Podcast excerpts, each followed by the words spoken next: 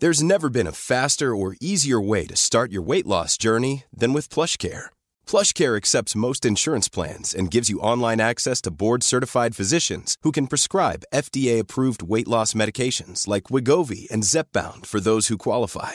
Take charge of your health and speak with a board-certified physician about a weight loss plan that's right for you. Get started today at plushcare.com slash weight loss. That's plushcare.com slash weight loss. plushcare.com slash weight loss. Quality sleep is essential. That's why the Sleep Number Smart Bed is designed for your ever evolving sleep needs. Need a bed that's firmer or softer on either side? Helps you sleep at a comfortable temperature? Sleep Number Smart Beds let you individualize your comfort so you sleep better together. JD Power ranks Sleep Number number 1 in customer satisfaction with mattresses purchased in-store. And now save 40% on the Sleep Number limited edition Smart Bed for a limited time. For JD Power 2023 award information, visit jdpower.com/awards. Only at Sleep Number stores or sleepnumber.com.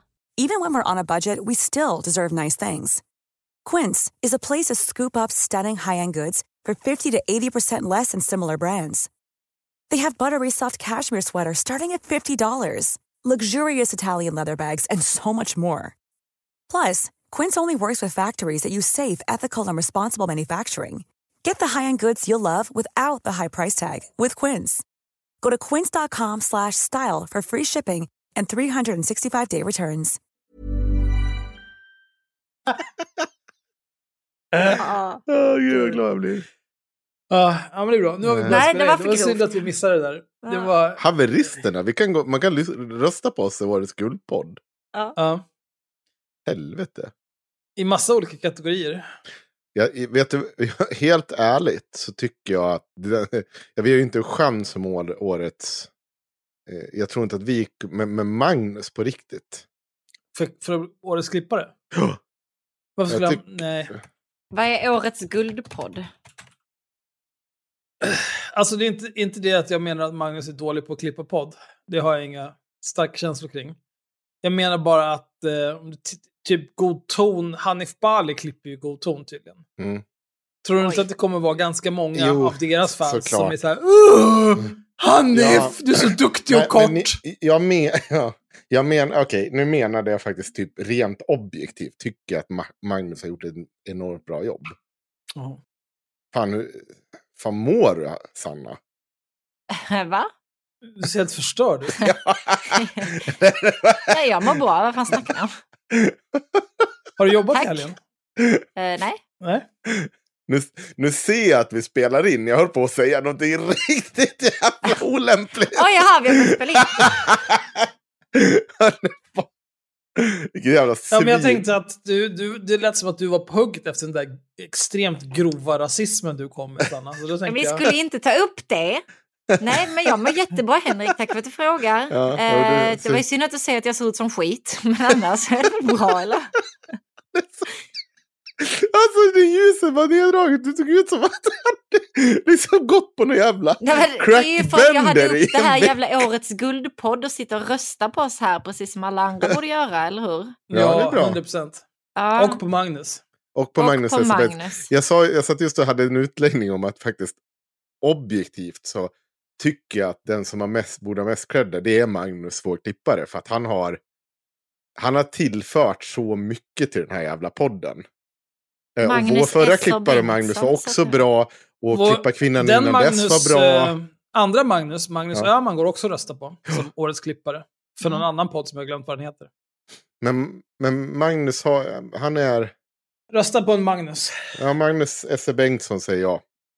Ja, och förra Magnus, ta inte illa upp, du var en duktig instrumentell Han har ett- klippare, helt klart ett ditt bättre jävla efternamn. jobb. Ja. ja, det är klart.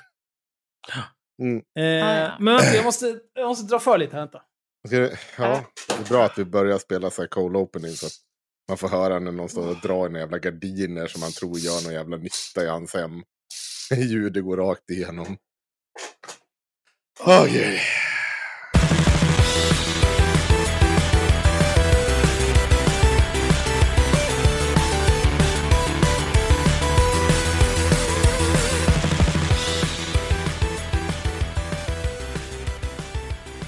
Hallå ja. Ja, Hej, hallå. hej, hej. Hallå, uh, Hur mår ni idag då? Bra. Gör ni det? Ja. ja, jag, mår, ja, jag är ganska trött.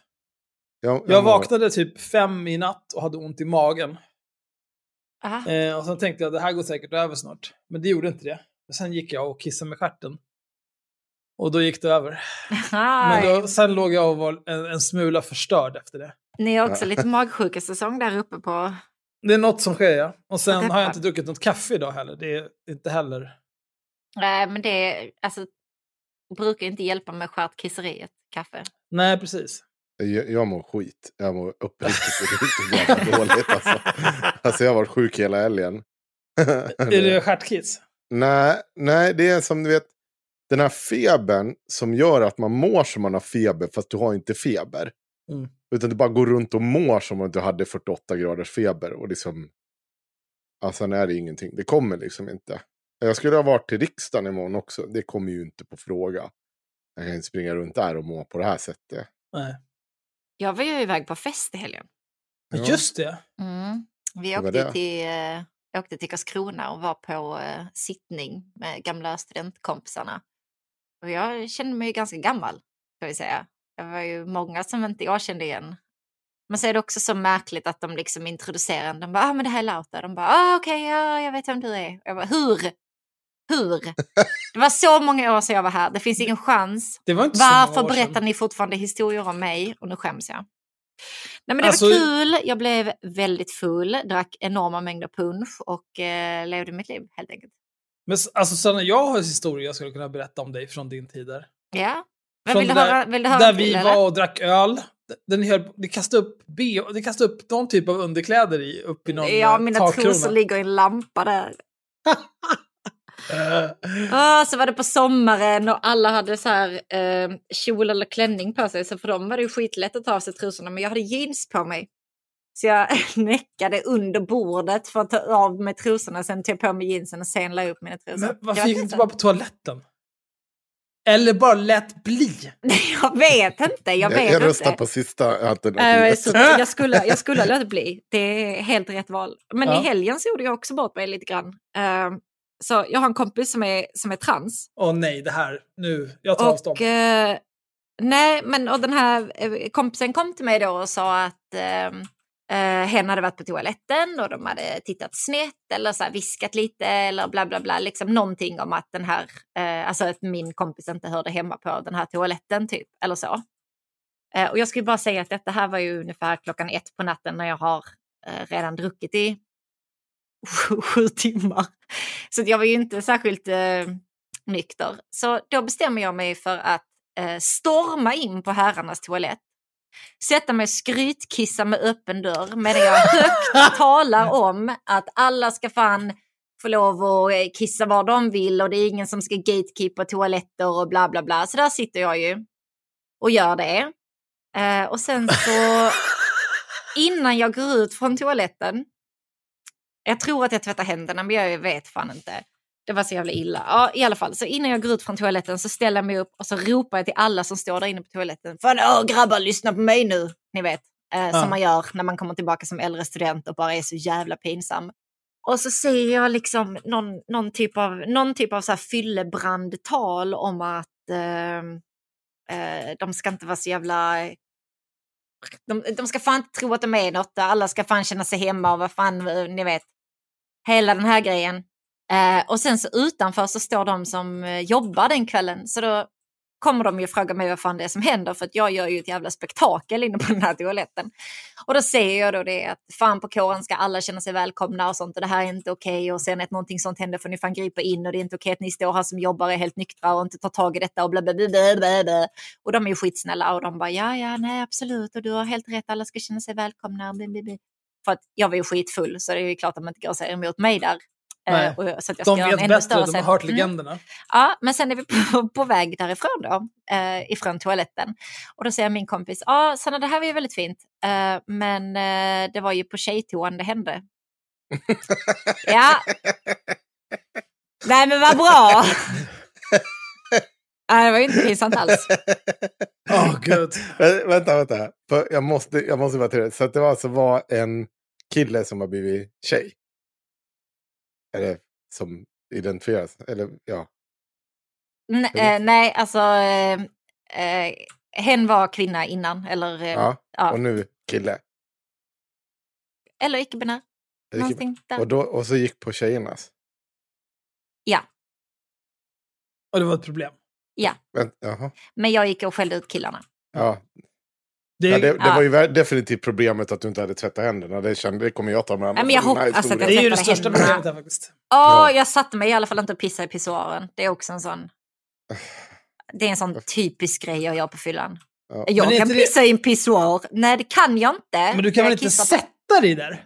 Jag gör ju det. Nej men du kan inte sätta dig, ju fullt av piss! Nej, men jag får ju inte lov att dricka alkohol. Det borde ju du finnas en gräns för mig. Ni vet ju detta sedan tidigare. Jag får ju ett problem med hur och var jag kissar när jag har druckit snälla, alkohol. jag ska köpa en sån där, vad fan, en sån där ränna. en sån där pissränna. kiwi. Ja, jag ska köpa tio stycken sådana till dig. Ja, nej, så nu har jag liksom stormat in där, där det är massa så här 19 och 20-åringar som alltså nästan 10 år yngre än mig. Där sitter de och bara sköter sitt egna liv och så har jag stormat in där, tvingat dem att titta när jag kissar och sen skällt ut dem. Och jag bara, åh.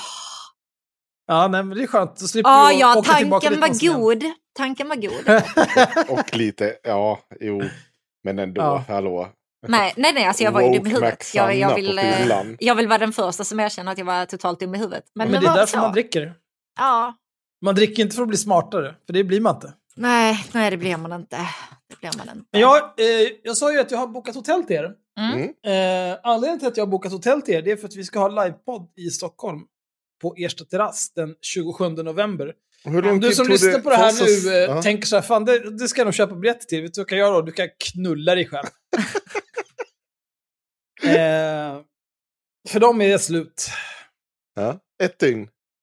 Igen. Nja, lite mer. Två dygn var det väl. Nej, ett dygn. Du, Nej, du släppte dem tre på natten. Och jag, jag var ut natten Ja, i vredesmod också. Ja, i vredesmod. Ja. Skitsur var jag. Vem fan släpper biljetter tre på natten? A- Axel för att han är sur. Åh, psykopat. Men, men ehm, vi kan säga så här. Går det här bra så kommer vi ha en annan planering, en större lokal och mer ståhej nästa gång. Och det kommer vi ha så snart som möjligt. Ish. Mm, Så fort vi känner för Nästa år. nästa år. Ja. ja.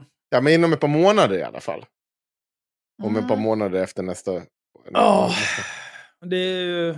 Alltså bara, bara för att jag går med på att åka till Stockholm en gång.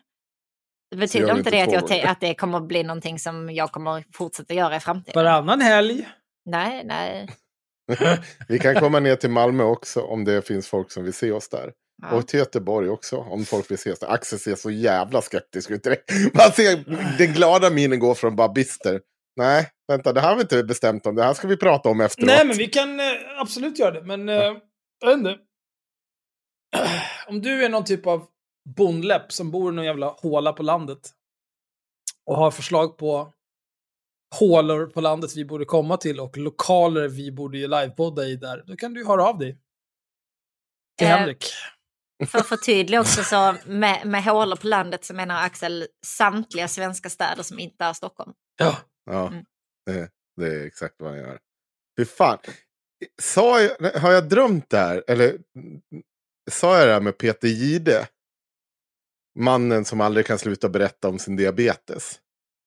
Oj För vad jag har om dödlig sjukdom. Nu kommer jag vara död. Nu kommer jag dö när som helst. Men, nej, Peter, du ser ut att må Man, toppen. man dör väl inte av diabetes? Man man dör i sin- förtid ofta. Alltså det, man, man får förkorta livstid. Jo, men hur mycket? Några år eller några årtionden? Det, det kommer nog gå bra för Peter Gide om vi säger så. Jag är helt övertygad om att det kommer gå bra för honom. Alltså, det, vet du hur många barn som dör varje minut av att de inte har tillgång till rent dricksvatten? vad, hur, vad tror du om du jämför liksom med typ så här, ah, men eh, här, vad kostar, vad kostar eh, 10 liter rent dricksvatten eller en tvåljävel jämfört med vad Peter Gides insulin kostar? Som man får S- gratis. Som jag sitter här och betalar. Ja. Ja, men alla, får lov, alla har rätt till sina egna problem, Axel. Nej, men- Bara Ja, för men att någon det här- annan har mer Det problem. är en stor grej för Peter Gide att han har diabetes i alla fall. Det, jag kan gå med Eh, på att det är en stor grej. Det låter ja, skitjobbigt. Men eh, han, har, han, han åker ju runt och gör sin den här uh, wannabe Louis Theron eller vad han heter. Jag vet inte hur man uttalar hans efternamn. Det är ju någon typ av franskt. Är det han Terå, eller? Tro, ja. Eller något sånt där. Är det aux på slutet eller något sånt där? Ja, jag tror det. I alla fall, han eller någon annan valfri sån där tjomme som åker runt och ska liksom springa med gäng och visa att han, han är nere med folk. En Då, Jonas ska jag, Åhlén. han, då, så- då sitter alltså hela... Då, då, nu ska han ut och träffa pundare. Och hela öppningsscenen är att han liksom bara... Vet ni att det finns pundare i resten av Sverige också? Så, ja, jo, det vet vi. Så, men det är inte bara en storstadsgrej, det ska ni veta. Ute på Sitter han och- landsbygden Sitter han och finns det berättar också. det här för pundarna? Nej, han sitter och berättar det här som öppningsgrej grej till hans Det är klart program. det finns pundare överallt. Ja, ja, men vänta, låt mig komma till punkt här. Så bara, nu ska vi åka till landsbygden och träffa pundan. Jonny. Så bara, här är Västerås. Här bor Jonny, han är pundare och sitter här på härbärge. Man bara, Väster Västerås är Sveriges fjärde största stad, din jävla idiot! Sveriges största städer 1. Stockholm 2. Göteborg 3. Malmö 4. Uppsala 5. Linköping 6. Örebro 7. Västerås Det är så, vad snackar du? Jag trodde du skulle åka till Krylbo och träffa Tjack-Olle liksom som sitter i ett jävla hörn och darrar under en jävla fallande löv. Det är så, det är så jävla dumt. Ja, Ja. Det är, så, jävla... det är så jävla typiskt stockholmare. Ja. Bara ha inget jävla grepp. Bara, nu ska vi ut på vischan, Västerås. Mm. Alltså, hade ni frågat mig hur många jag trodde bodde i Västerås, då hade jag sagt max 50 000. Men det är ju typ Trelleborgs-storlek. Ja, Eh, Jag vet inte, det ligger utanför Stockholm, jag bryr mig inte. det Men ligger en- knappt utanför tullarna. Knappt! Det är fan ett stenkast till höger. Åh, det är ju för fan Men då är det ju förort till Stockholm. Åh, vet ni vad som, vet ni vad Som som hände? Vi stod på Malmö central och väntade på tåget, skulle hoppa Ja. på. Och då kommer det två stockholmare som går förbi mig. Och eh, det var en kille och en tjej. Och killen han kommer och bara, åh nej men hallå, vet du vad? Här har de tåg som, som går ut till förorterna. och då menar han liksom bara så här, alltså du vet, här är byar här som har tåg överallt i Skåne. För att du vet, vi har tåg. Ja. Och hon bara, nej fy fan vad coolt. Som att det liksom, vi- var- de, man bara, va? Vi har ju det här också, det är tunnelbanan och Ah. pendeln. Mm. Nej, det tyck, de hade nog aldrig varit utanför eh, Men- tullarna tidigare. Alltså, men för de tyckte det var Skåne är ju- svincoolt. Skåne är också lika stort som Stockholm ungefär. Det är också så jag stör. Här, nu ska vi åka ut på land. Fan, det är 20 meter till andra sidan gränsen här. Det är tvärs över 20 meter. Jag kan ju se andra sidan Skåne om jag står vid vattnet. Det är liksom ingenting. Jag hängde inte alls med ett tag, men nu låtsades du. Jag att fattar var inte vad du står och tittar på Skåne härifrån. Nej, men Skåne är väldigt stort. Men Nej. också enda anledningen till att du kan se till andra sidan Skåne är ju för att det är så Det är platt. platt. Ja, det är också. Det gör inte saken bättre. Det Massa fin åkermark har ni vet jag. Ja, Mm-mm. det har vi. Ja. Men anledningen till att... eh, jag, eh, jag tänkte, försöker ju informera er här. Jag tänker att vi kan eh, s, göra det som content också. Att jag informerar er om att eftersom vi ska göra livepodden på Ersta terrass så får ni också bo på Ersta. Oj. För jag insåg att de har ju hotellrum där. Gud vad trevligt. Jag har specifikt bett om eh, rum med eh, morgonsol, era jävla horungar. Det kan ni ha. Alltså det finns ju gardiner. Men eh, vad var det jag tänkte säga?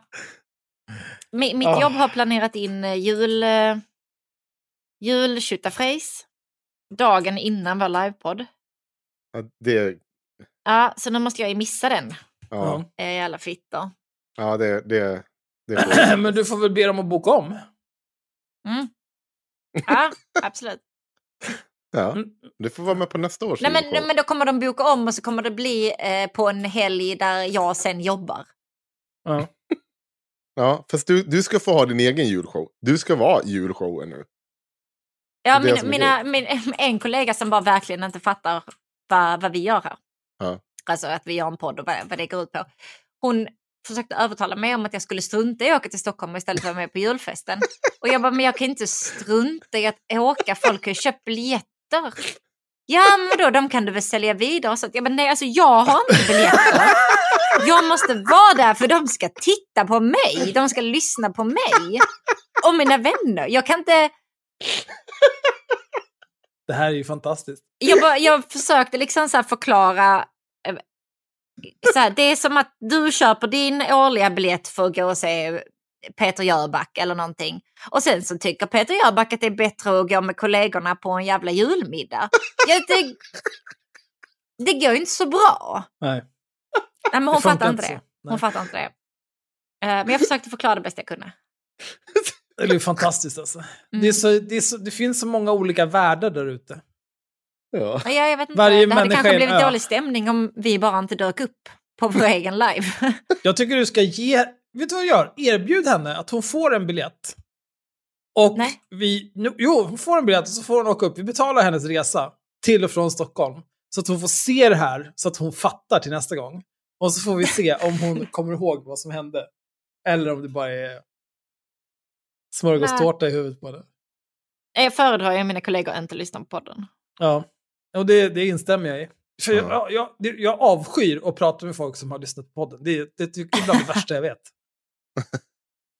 Det blir för övrigt, eh, eftersom Ersta ligger så nära Fotografiska så tänkte jag att vi går på Nationalmuseum på lördagen och sen så kan vi hinna förbi eh, Fotografiska på söndagen om ni kan lugna er med när ni ska åka hem. Ja. Det Ja, kanske säkert. kunna göra. Oj, vad, vad seriöst. Vadå, är, vad är, då, är, är Henrik bjuden på vår museumgrej? Nej, Oj. jag pratade bara med dig nu. Sanna. Ja, jag tänkte att det måste vara du och jag. Bara, Får, inte jag följa också? med? Det var Nej, det. men tänker du gå och vara helt jobbig när vi är på museum då? Bara, Åh, var är lekplatsen och varför...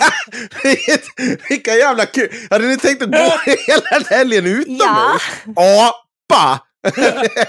Vad är det här? Här trodde jag jag skulle få spendera lite ensamtid med Axel och göra någonting kulturellt Ja. och, och smart. Och så ska Henrik följa med, eller Bundläppen ska komma där och gnälla om att han inte fattar vad det är han tittar på. Jag blir jättejobbig. Plus att då kommer vi ha Tim som går runt där också och bara skrattar hela tiden. Ja, Men jag tror Tim kommer komma upp senare. Jaha. För att hans syster fyller 30. Jag vet inte någonting. Jag vet ingenting. Men eh, jag tänkte inte heller att han skulle följa med. Han är också inte så kul att ha på museum. Eh, men Nej. jaha, ja, nej men vad kul!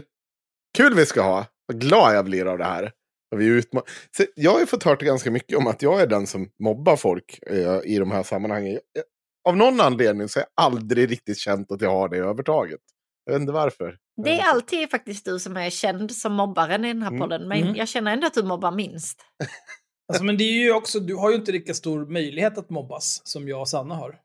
Nej. Du har sånt öppet mål, Henrik. Jo, men det är också så här att jag och Sanna, vi har ju alltid ett kort att spela. Sanna kan alltid spela, fast nu är jag kvinna, så testa att knulla dig själv. Och jag kan alltid Åh, spela, fast nu är inte jag allergisk mot solljus. Så jag vann. Ha det bra. Ja. Vad har du? Ingenting? Ja, vi, var vi var farligt nära min eh, pre-inspelningsrasism där. Jag du kände det också. Du nästan upprepade vad jag sa. Ja.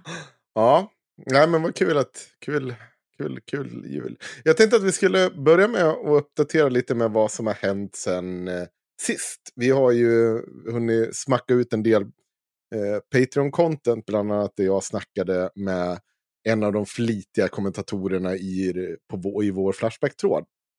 Moralhora. Eh, en timme.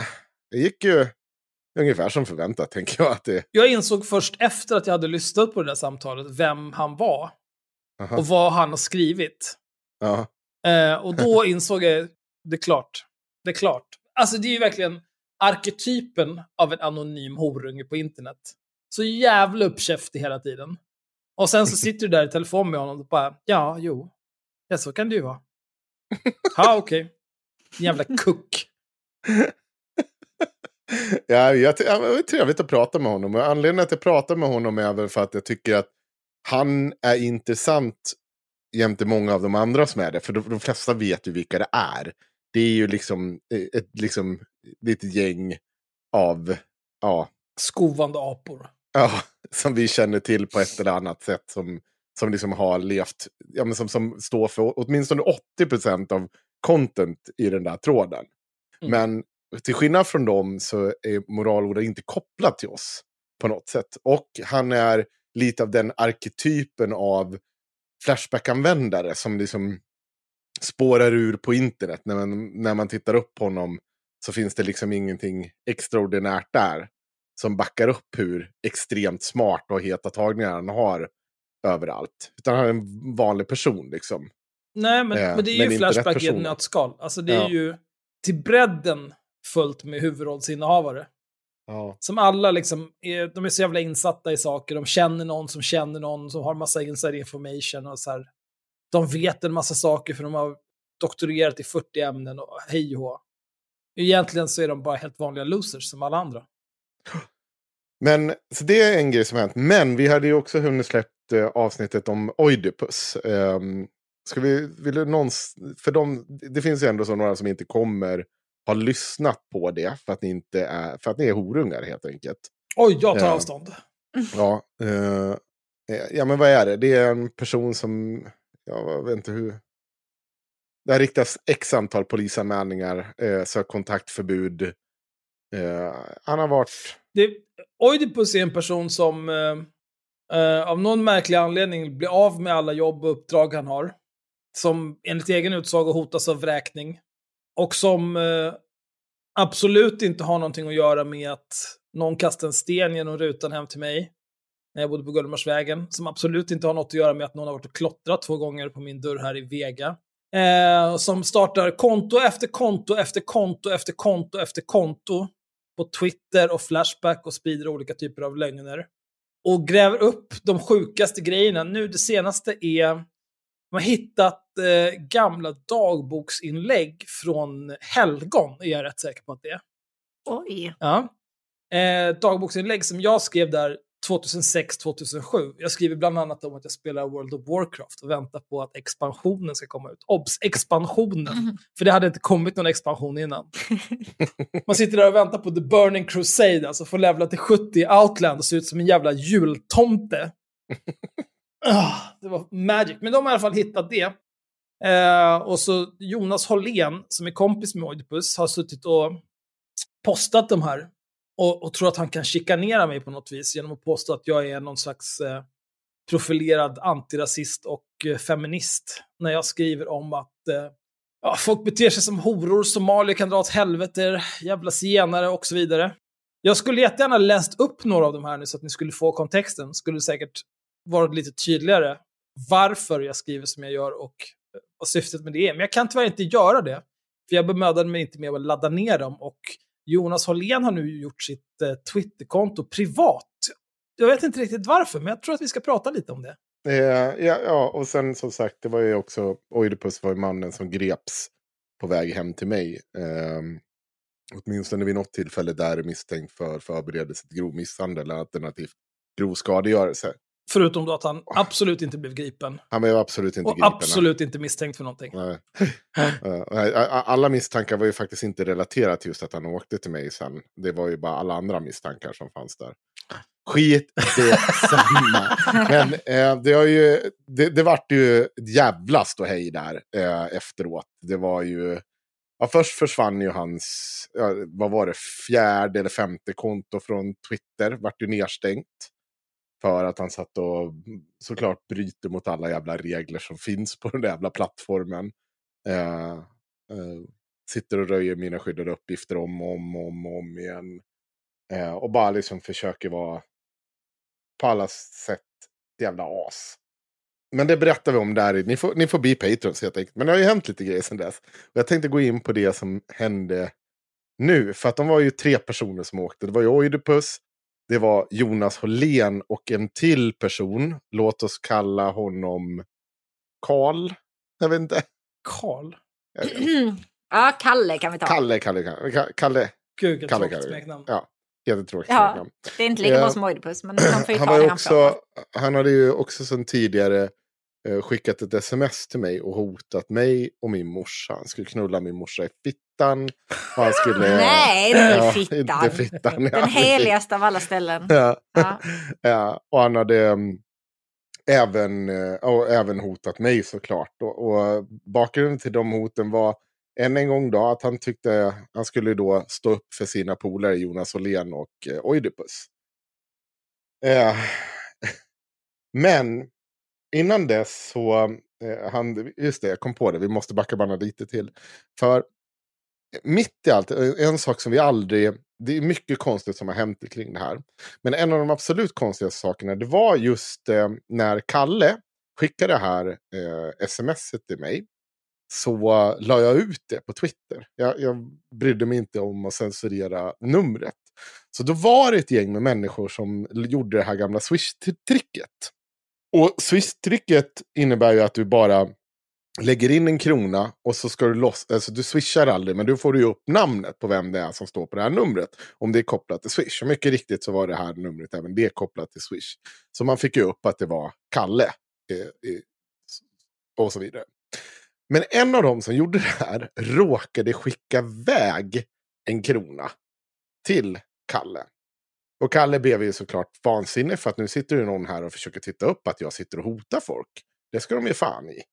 Varpå Oidipus också skulle läggas i.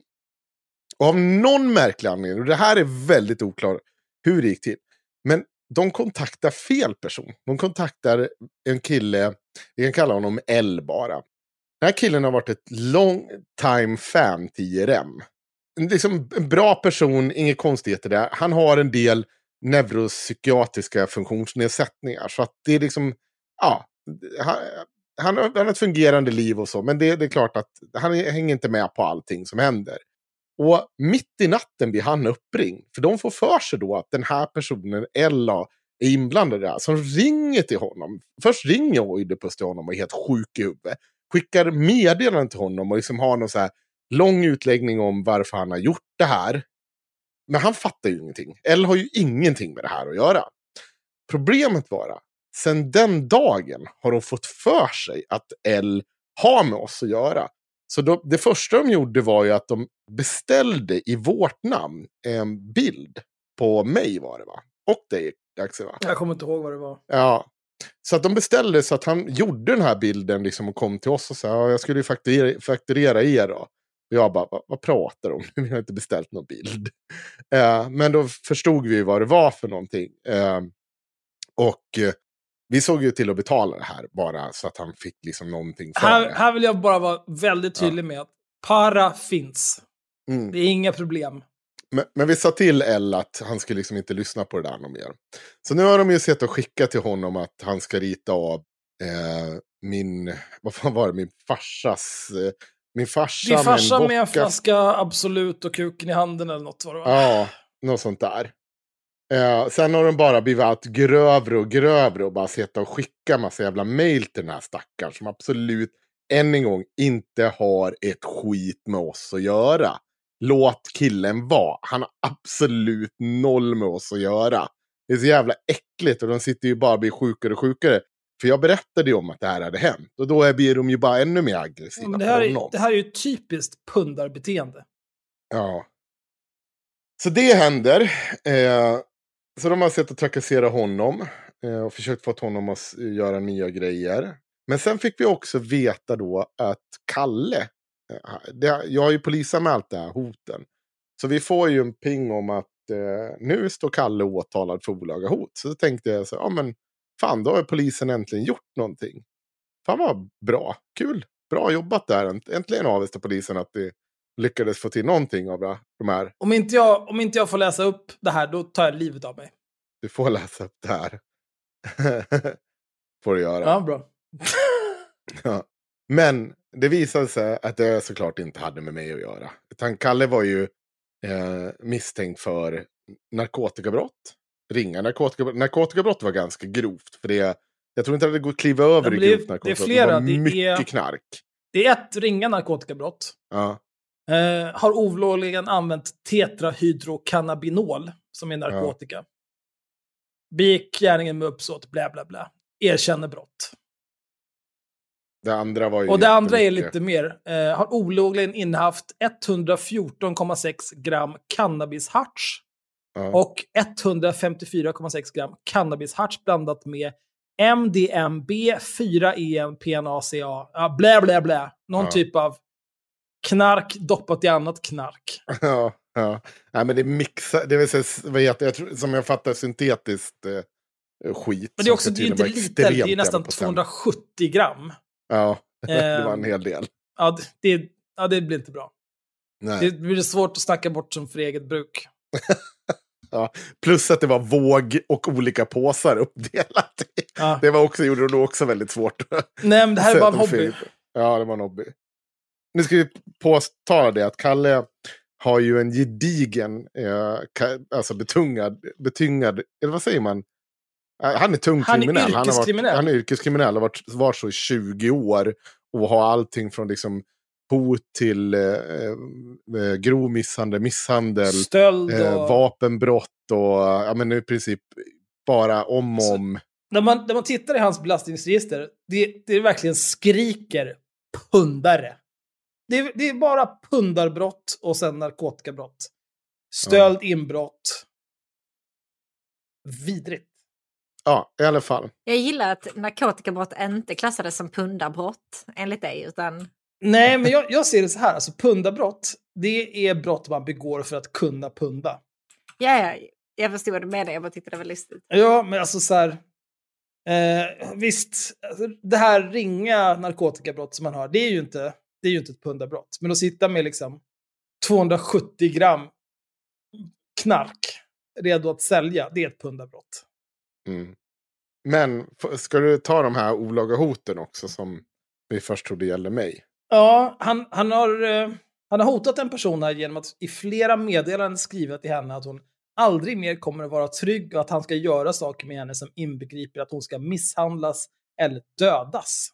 Mm. Eh, hotet var sådant att bla bla bla kunde förvänta, förväntas känna allvarlig rädsla för sin personliga säkerhet. Kalle begick gärningen med uppsåt. Han har gjort det tre dagar i sträck. Samma grej. Han förnekar brott, men allting har skett över Messenger. Mm. Så det är väl någon annan, misstänker jag, som har setat vid hans telefon. Och det är väl någon annan som har setat vid hans telefon när han smsar mig också. Ungefär som Oidipus säger. Men det intressanta är inte det. Det är inte riktigt det vi ska komma utan det, vi ska komma till att Loan Sundman, vad ska vi säga, prisbelönt journalist än en gång. Påtala, vi har tagit upp henne i tidigare avsnitt. Vi kommer återkomma till henne också. Eh, hon hade det här att säga när jag berättade om att eh, ja, nu har den här människan som skulle åka hem till mig och som skulle knulla min mamma i fittan. Nu står han åtalad för att hota ytterligare en, en gammal eh, kvinna. Och eh, för grov, eller liksom, ja, för narkotikabrott som är liksom i den övre delen av skalan. Då säger hon så här. Blir lätt udda när två som är dömda för olaga hot klankar ner på och hånar någon som kanske kommer bli dömd för olaga hot. Det är det där med sten i glashus. Är fan det dummaste tagning jag har hört i hela mitt jävla liv. Om jag ska börja med mig själv. Jag dömdes för olaga hot 2001. För exakt 20 år sedan. Ja, snart 21 år sedan dömde jag för olaga hot. Det var ungefär då Kalle blev dömd första gången. Ja, det är ungefär då Kalle blev för- dömd första gången för olaga hot. Eh, eller vad det nu var för första brott han begick. Eh, sen dess har inte jag dömts för något brott. Och anledningen att jag dömdes för det där brottet det var för att jag var ung, dum och inte klarade av att hålla käften när jag blev misshandlad. Det var, det var dumt av mig. Jag har inget problem med det. Men tydligen får jag inte då uttala mig om en person som då sedan dess inte bara har begått ett brott, två brott, utan har begått någon typ av bibel av brott.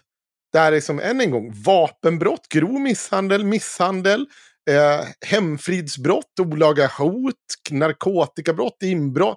Allt, vet du, i princip hela jävla boken har karln begått. Suttit inne flera gånger, om jag inte missminner mig nu. Nu tittar jag på dig Axel. Ja, jag, jag kommer Ja. inte ihåg. Skit i samma. Och nu står åklagad för samma typ av brottslighet igen. Lägg där till att han än inte har blivit åtalad. Eller kanske inte ens kommer bli åtalad för det hot han riktade mot mig. Det beror väl på om polisen har någon jävla orkar göra någonting för en gångs skull. det, det, Okej, så att jag får inte ha en åsikt om att den här personen... Jag ska inte fundera över den här historien när de ger, åtminstone vill ge sken av att de ska komma hem till mig. Säger att de ska komma hem till mig. Det skulle Det- du det- tänkt på då för 20 år sedan, Henrik. Ja, Jag borde tänkt på det, jag- så att jag kunde uttala mig någon gång så här i efterhand. För Ja. man vill ju inte kasta sten i glashus. Det vore ju sjukt i huvudet av mig. Mm. Eh, Alltså, hur, hur kan man vara så här förstörd? Det är också Alltså, att- roligt för att eh, Loan Sundman är ju väldigt bra kompis med Jonas Hållén. Ah. Och det är ju en person som, som existerar i mitt liv enkom för att han ville berätta för mig hur, hur dåligt mitt liv skulle bli nu när jag var dömd för olaga hot. Jag skulle inte kunna få åka till USA, få inte jobba på dagis och så vidare. Drömmen. Ja, men vad han då, återigen, jag har sagt det här flera gånger förut, vad han glömde att nämna då var att han själv, 2015 om jag inte minns fel, 16. 2016 blev dömd för inte bara olaga hot utan även misshandel. Men jag undrar om Loan ska berätta för honom också att det blir lite konstigt. Ja, men det, det, är bara så jävla, alltså allt det här. Jag, jag säger det igen. Be Patreon lyssna på avsnittet. Men det är så jävla sjukt att någon som har jobbat med det hon gör. Alltså så inte bara det, hon jobbar ju som så här, men jag har förstått det som skyddsombud och grejer. Man, man ska ju liksom förhålla sig till verkligheten på ett speciellt sätt för att det ska vara rätt och rimligt. Man är ju liksom ute efter att se Ja, det, det, man måste ju ha någon typ av objektivitet om man har jobbat som journalist och vunnit Guldspaden. Man kan inte sitta där och bara svamla rakt ut i intet. Så här bara, du, du ser ju vad som händer. Hur kan du, hur kan du, hur kan du se den här Oidipus dra 15 inlägg av rent svammel? Det är helt osammanhängande svammel. Om allt från liksom min familj till liksom ah, fan och hans moster och konstiga påståenden om att jag skulle ha varit inblandad i den här jävla att attacken på exakt 24, Nassebarnet och hans syster och greja. Allt det, hon bara sitter där. Ah, är jättesmart. Gud vad bra. Gud, det här är, du är jättesmart. Gud vad bra saker du säger. Alltså, på riktigt, hur är det ens möjligt att vara så här krockad? Åh, krockade är så jävla bra uttryck alltså. Det är väldigt bra. Eh, Men, ja, Men jag vet inte. Jag tror att det är något fel på henne. Jag tror att någonting har hänt. Ja, någonting har hänt under pandemin. För att innan pandemin var hon inte så här. Någonting har gått jäkligt snett. För att än en gång, jag har pratat med den här människan. Jag har inte haft något pro- alltså, Det är så otroligt konstigt agerat. Ja, ja, jag, jag, det- det är bortom mig. Hur man kan vara så här dum. Ja.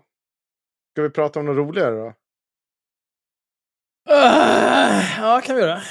Uh, jag skulle vilja prata om att svensk polis, Mhm. Okej.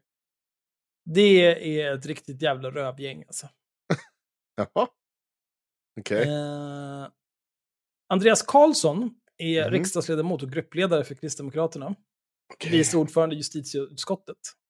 Han skrev för ett tag sedan på Twitter, polisernas arbetsmiljö är på många platser oerhört och orimligt tufft. Det måste bli stopp på glåpord och kränkningar mot poliser.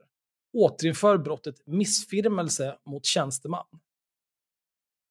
Eh, en annan stövelslickare, Fredrik Kärrholm, som är i grunden polis, nu i näringslivet, master i kriminologi, författat Polishandboken och Gangstervåld, skriver i Svenska Dagbladet och Göteborgs-Posten, riksdagskandidat för Moderaterna. Skrev samma dag, nödvändigt att kriminalisera kaxande mot polis. Bör även omfatta sjukvårdspersonal med flera. I ett bättre samhälle med starkare normer och färre missanpassade invånare skulle det ej behövas. Nu behövs det tyvärr. Viktigt också med inskärpt föräldraansvar och en mer fostrande skola. Och jag kan känna att det här jävla, det här ruttna jävla packet alltså. Fy fan, vilka Vil- jävla vil- Vilka då? Polisen? Ja men alla, alltså alla, jag hatar, hatar de här jävla stövelslickarna. Men här ska du få höra från eh, blåljus.nu. Aha. Här är en text från 29 maj 2017. Dags att återinföra missfirmelse mot tjänsteman. Det kanske låter radikalt, men med hänsyn till en dom som avkunnades i Lunda tingsrätt den 24 maj finns det kanske orsak att ställa frågan. Det hela handlar om en knarkare som när han ertappades av polis överöste poliserna med nedsätt- nedsättande och sexistiska tillmälen på gränsen till hot mot tjänsteman. Eh, någon jävla skittidning berättar om händelsen där tre kvinnliga poliser gjorde kroppsvisitation mot den då misstänkte missbrukaren. I samband med ingripandet och transporten uttryckte mannen enligt tidningen sin frustration med orden Ja, det är mycket känslor där. Horor, fittor, fucking grisar, känn på min kuk, sitt på min kuk, du har inte fått kuk på länge, du är torr som en öken. Hoppas du har en dotter som blir våldtagen eller dör i en trafikolycka. Men, du, ja, men vänta, stopp nu. Det där tycker jag ändå. Hoppas du har, du har en dotter som blir våldtagen dör som mor. Jag tycker inte att det... Jag vill ju inte ha eh, den här lag... Men, men där tycker jag att han kliver över i liksom ett hot. Ja. Det där tycker jag borde kunna klassas som hot. Det är väl snarare Nej, vadå? utök- Hoppas du har en dotter som blir våldtagen eller dör i en trafikolycka. Det är väl inget- det är en stilla önskan. Ja, fast vet du vad? Vi, vi har just sagt att du får inte sitta och säga att jag hoppas att du tar ditt liv eller något sånt där. Då tror jag att vi kan utöka det till att liksom se sådana här saker. Det här, som- ni är alltså, ju ute efter med freedoms här alltså. Jaha, det, det kan jag gå men, men polisen ska inte ha någon jävla... Att du, ja, allt det här, det är grovt sexistiskt. Här ska är, vi, vi kommer Ja, till det här ja. sen, sen ska du få höra. För de och liknande yttranden blev han åtalad, men tingsrätten meddelade att det inte var något sexuellt ofredande eftersom 25-åringen inte haft en tydlig sexuell inriktning eller ett tydligt sexuellt intresse med de orden han använde mot poliserna. Eftersom han anser avsikt var att kränka poliserna och göra deras jobb obehagligt var det inget sexuellt ofredande. Gärningen utgör inte heller något annat brott, skriver rätten. ofredande. Ja, tydligen inte. Ja. Eh, de påstått hotfulla uttalanden var inga hot utan endast fula ord eftersom han var arg. Ja, inte bara eftersom att han var arg, utan för att han är en äcklig jävla pundare också. Men visst. Mm. En som reagerar kraftigt mot domen är ordförande i Polisförbundet Syd, Sofia Villander, som påpekar att särskilt kvinnliga poliser ofta blir utsatta för okvädningsord med sexistisk färgning. Skulle de anmäla varje gång någon kallar dem för fitta eller hora skulle rättssystemet få mycket att göra. Men när poliser för en gångs skull tycker att det gått alldeles för långt känns det tröstlöst att rättssystemet dömer på allt detta sätt. Som att det är okej att kränka poliser. Snälla. Tänk om det varit i rättegångssal som orden fälls. Det skulle knappast en domare, advokat eller åklagare finnas i. Sofia finner domen vara en sorglig läsning från början till slut. Ja, och sen är det en massa jävla gnäll här. Från Sveriges böligaste jävla yrkeskår. Och det är fan, det är allt de kan, poliser. Det enda de kan är att böla. För det här, alltså. Tänk dig, du, du är liksom så här, ja, jag vill bli polis. Eh, du måste ju ändå göra lite research innan så här. Vad innebär polisyrket? Och är du så jävla pantad att du inte gör den typen av research, då hoppas jag innerligt att du inte blir antagen till utbildningen. Fast, ja, jo, alltså jag tycker... det, Va? Nej. Ja, du fortsätter, du får bara sen. ja, okej. Sen när du går utbildningen, den är tre år. Ja. Du gör väl praktik och sånt där inne, får väl, får väl ha med folk att göra. Folk är ju oftast skitjobbiga och äckliga som fan. Mm. Antingen är det liksom så här, ja du kanske ska leta reda på någon eh, demenssjuk jävla idiot som har sprungit iväg till skogs. Då ska du ta itu med det, det är skitjobbigt. Du måste gå och lyfta ut någon äcklig jävla snubbe som håller på att slå sönder sin fru, det är skitjobbigt. Och så vidare, och så vidare. Det är ingen som ringer en polis för så här, ja, jag tänkte bara att vi skulle äta pannkakor tillsammans och ha det trevligt. Du kommer ständigt vara i påfrestande och jobbiga situationer med folk som är på olika sätt och vis stressade och mår skit. Det är Mm. jobbet. Mm. Om du då ska behandla folk och ta i folk och hålla på att göra saker mot folks vilja i de situationerna när de eh, kanske har begått ett brott och, inte vill ta ansvar för det eller på annat vis bara beter sig som svin, då får du nog räkna med att folk kommer be dig dra åt helvete eller börja prata om att det fitta är torr som en öken eller vad fan som helst. Ja, men, men så här, fortfarande. De sakerna, det är förolämpningar. Det är, alltså, det är bara rena förolämpningar. Vi har, det, det står ju här i artikeln, så här står det. Professor Mårten Schultz har kommenterat med, med ett råd till åklagaren. Tips till åklagaren, glöm inte förolämpningsbrottet som en, en alternativ grund i sådana här fall. Och det är väl det som är problemet här. Jag menar, vi sitter just nu i samma sits som de här poliserna gör. För man har ju inte bedömt det här något annorlunda i form av att man, man säger ju inte till polisen att ni måste stå ut med det här. Man säger ju bara att det inte bro, alltså rekvisitet har uppnåtts, så att det är ett brott här. Mm. Och det tycker jag, har det ens prövats?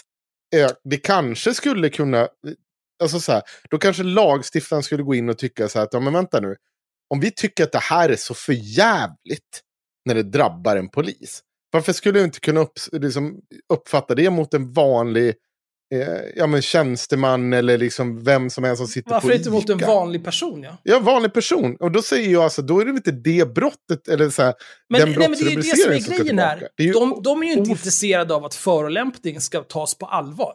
Nej, För då skulle det bli, öka deras arbetsbörda något helt enormt. De vill ju ha särlagstiftning som skyddar bara dem. ja okej, ja, men, ja, men det håller jag med Fuck om. Alltså, de här bölande ja, jävla svinen.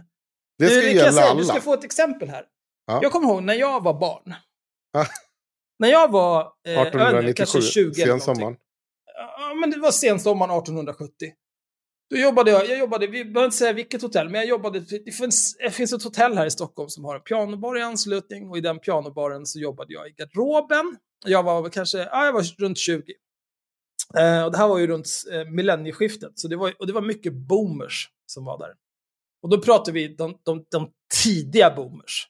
Alltså folk som är födda slutet på 40-talet, början på 50-talet. Alltså de vidrigaste av vidriga boomers. Riktiga jävla svin. De var ju där, alltså de, så som de betedde sig. Ah, alltså. Att, vi att vi tog oss igenom den där generationen som nation är helt sinnessjukt. För de var helt störda. Det var en, jag, en, det var en snubbe som började skälla ut sin fru. Vakten var framme och så här, du, det här funkar inte. Nej, nej, nej, det, det är lugnt så här. Två minuter senare, "Eh, mörda dig, jag ska mörda dig, jag mördar dig. Nej, men du får sluta, du kan inte hålla på så här. Nej, nej, nej, det, men det är lugnt. Varför åker ni inte? Okej. Och sen tredje gången, då skulle han dra en stol i huvudet på henne. Ah. Då, då var vakten fram men du får följa med här nu, nu går det inte längre här. Då ville han inte följa med. Så då var de tvungna att liksom så här, och knöckla ihop honom. För det var ju liksom, det här var ju en 55-årig gubbe. Och det här var Ja. liksom unga och starka, friska ordningsvakter. Så de knöcklade ihop honom till en liten boll. Och så rullade de ut honom i gränden. Och så var det bra så. Det var toppen. Jag känner inte Men- att det här fanns någon Nej, poäng. men det, Ja, okej. just det där var bara en annan anekdot. Men jag kommer ihåg när jag jobbade där, jag stod där i garderoben. Då är det, då är det ett gäng av så här äckliga jävla boomerkärringar. som- Någon har sulat sin garderobsbricka åt helvete. Ja. Och då är de missnöjda över det och säger så här, ja men jag har hittat de här andra jackorna här. Eh, så ni kan ta dem. Men så här, jag kan tyvärr inte leta efter, efter din jacka just nu, för det är, det är stängning, alla ska ut. Men om du bara väntar, du kan stå, och sitta här bredvid och bara vänta Mm. tills, eh, tills garderoben är tom, så kommer det gå jättefort att hitta din jacka. Så, här. så det är inga problem. Blev hon upprörd, som att det här liksom inte var, ja nej det här händer nog inte varje pass jag jobbar. Vi har nog inte en rutin för hur vi ska hantera det här. Äh, blir hon upprörd ska hon gå runt och prata med någon annan, för prata med din chef, ditten datten. Nej, men tyvärr, det det är Axel här som bestämmer i garderoben. Så här. Och då började hon, då gick hon bort till bartendern, som, han kom från Marocko eller någonting, började prata med honom så här, ja du får reda ut det här. Så blev hon sur på honom och så började hon skrika om så här, jag kommer aldrig komma tillbaka till det här jävla negerhaket igen. Det här är det värsta jag varit med om. Fullt av en massa äckliga svartskallar. Så började hon gå runt och i princip heilade i lokalen. Åh, Och så här svartskallar, neger, Heil Hitler, blä, blä, blä, blä, blä, blä, blä, blä. Och jag stod så här bara, ja. Ja, du, ja, du kommer ju inte få någon jacka liksom, jag vet inte. Varför trodde hon att det skulle hjälpa henne? Det här är ju alltså, samma det- sak. Nej, men det, det här det, det sprang jag sen, brott. sprang jag till åklagaren och bara Åh, det är så synd om oss som jobbar i garderob! Vi måste Vi få särlagstiftning!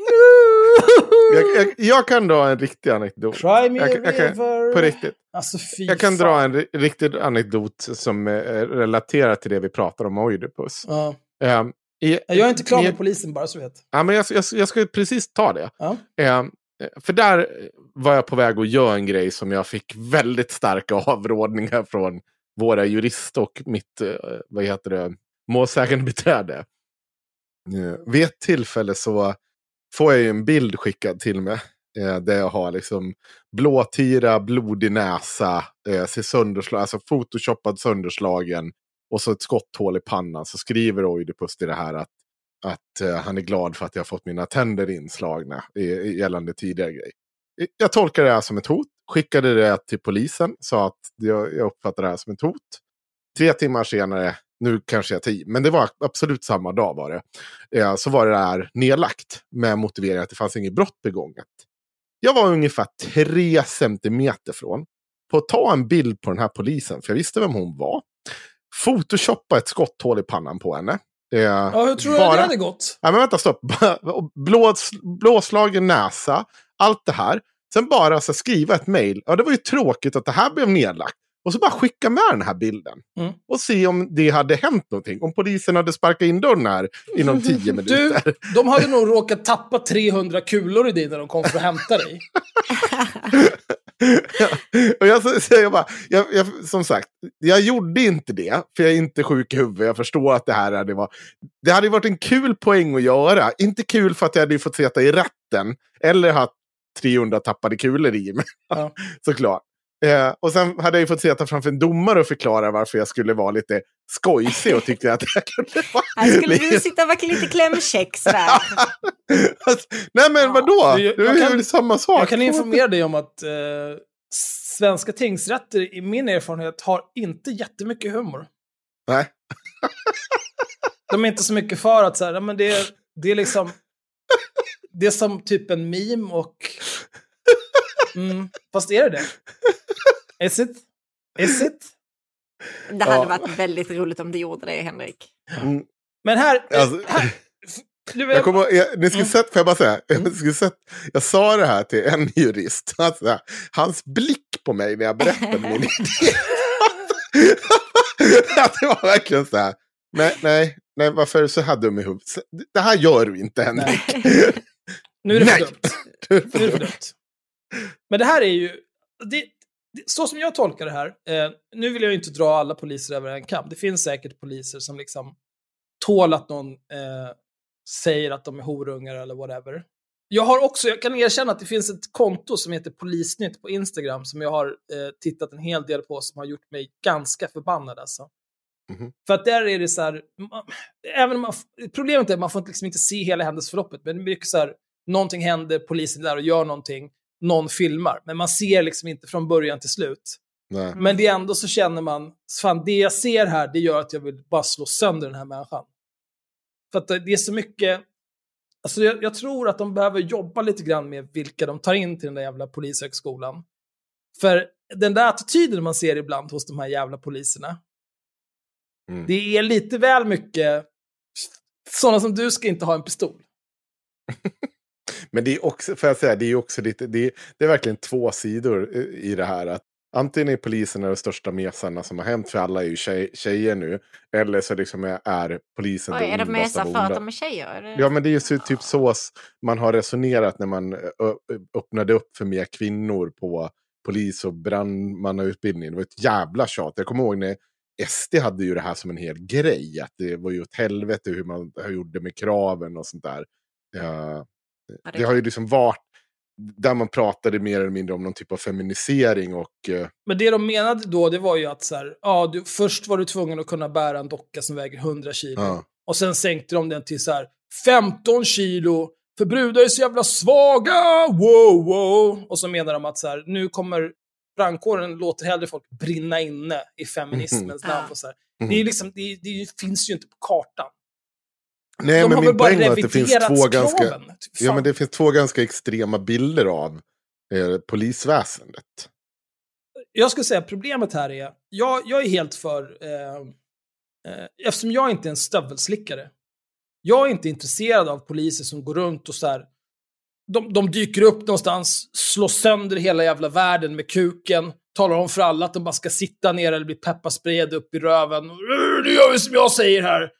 Och sen så skjuter de hela magasinet rätt in i närmaste vägg och snortar i sig all jävla röken ur vapnet. Jag tycker att det är bara töntigt. Det är någonting som så här, kan vara milt underhållande om man är 16 år gammal och kollar på någon så här Jean-Claude Van Damme-film. Då kan jag gå med på att så ska det vara. Ska vi prata om liksom poliser som ska vara verksamma i samhället, då ser jag hellre poliser som har någon typ av eh, empati och social kompetens som kan hantera den här typen av situationer utan att så här, jag är faktiskt störst och starkast, jag ska göra som jag säger, annars så kommer jag ringa till min vän åklagaren som har sagt att ingen får säga dumma saker till mig för då kan jag bli ledsen och råka slå sönder någon. Det är liksom, fan var vuxna människor, jävla treåringar. I alla fall, nu ska vi prata om, eh, som avslutning här, innan polisen får komma och kräva någon typ av särlagstiftning, då vill jag att de ska göra en sak. Mhm. Det här är ju från 3 oktober 2019. Poliser frias efter dödsskjutningen av Erik Torell. Tingsrätten friar de tre poliser som åtalades efter den tragiska dödsskjutningen av 20-åriga Erik Torell i augusti i fjol. Rätten anser att de två poliserna som sköt befann sig i en inbillad nödvärnssituation och att polisinsatscheferna handlade korrekt. Det var tidigt på morgonen den 2 augusti som polis sköt ihjäl 20-åriga Erik Torell efter larm om en beväpnad man i stadsdelen Vasastan i Stockholm. På plats, på plats bedömde poliserna situationen som hotfull och avlossade totalt 25 skott. Ja. Hallå? Nej, jag kommer ihåg det. Totalt tre skott träffade, varav två i ryggen och ett av dem var direkt dödande. Efteråt visade det sig att Erik Torell, som hade både autism och down syndrom, hade rymt hemifrån med ett leksaksvapen. Vi, vi kan ju bara börja med det, med det uppenbara.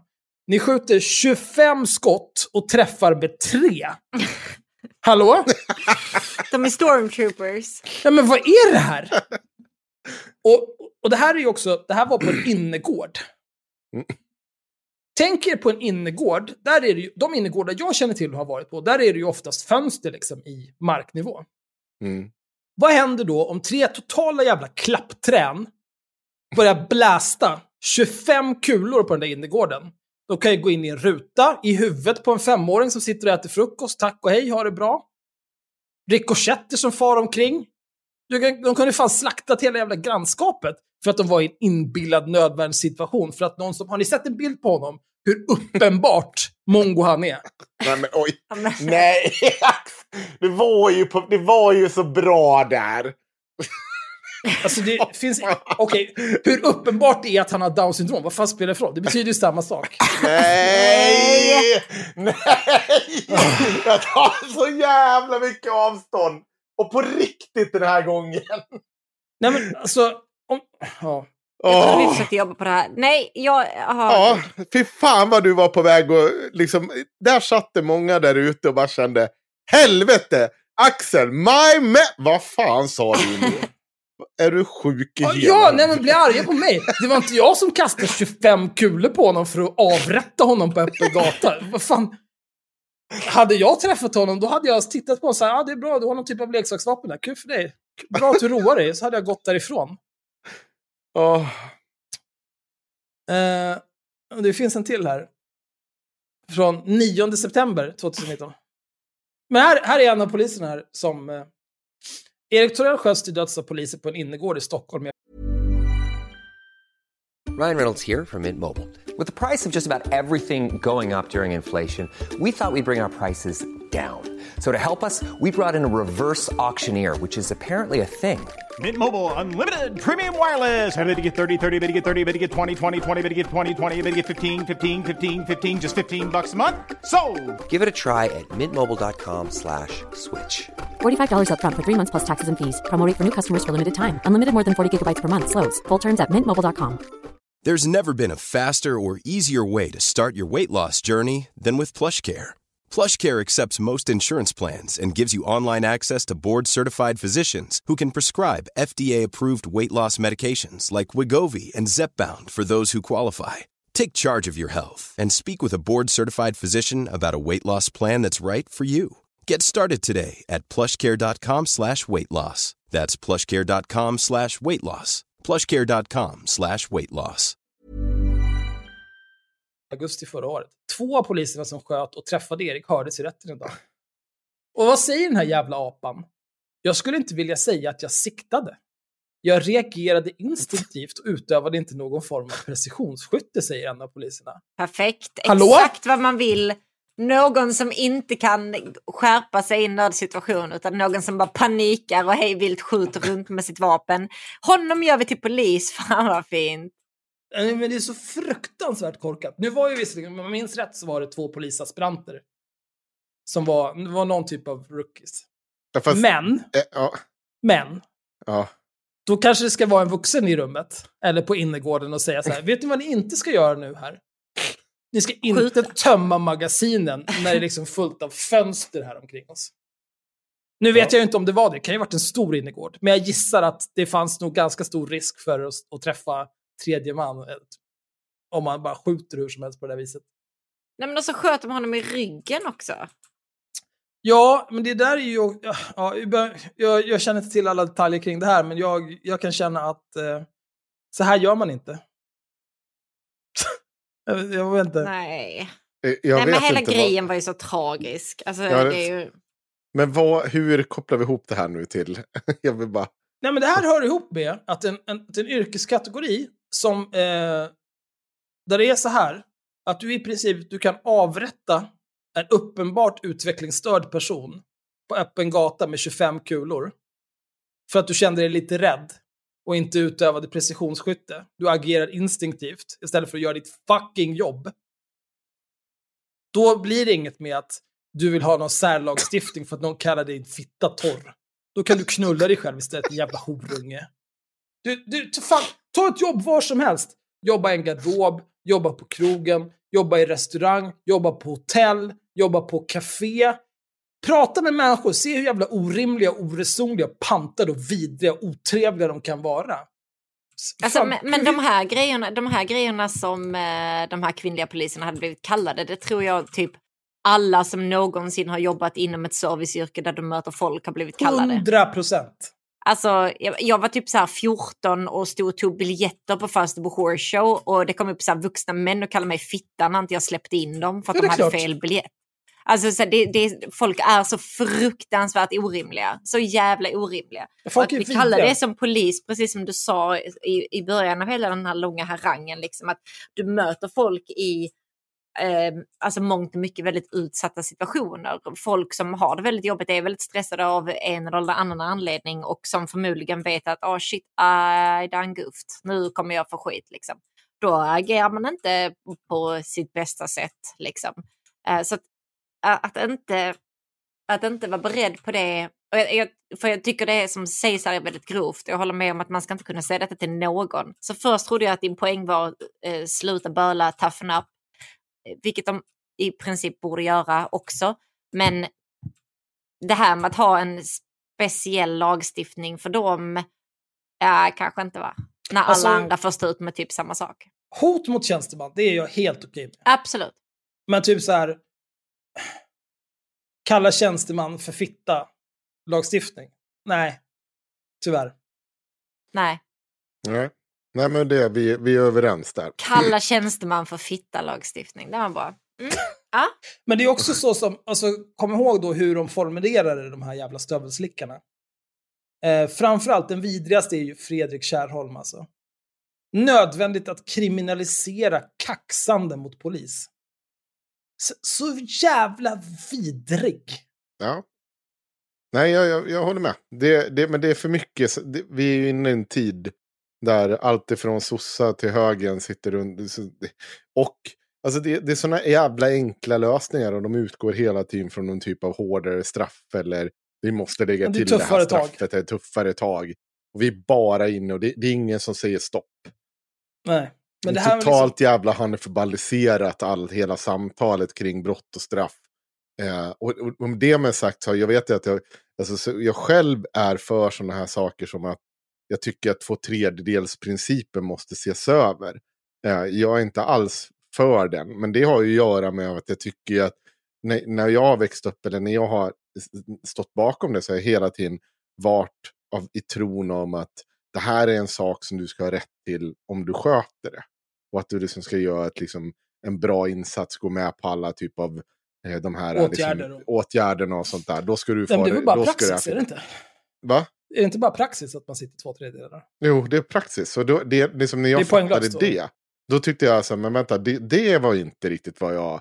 Då hade vi lika gärna kunnat bara gjort om straffen och sen haft två tredjedelar. Ja, Men alltså, det är sådana där, alltså, hårdare straff kommer inte förändra det här. Jag vill inte sitta och betala för massa jävla fångar heller.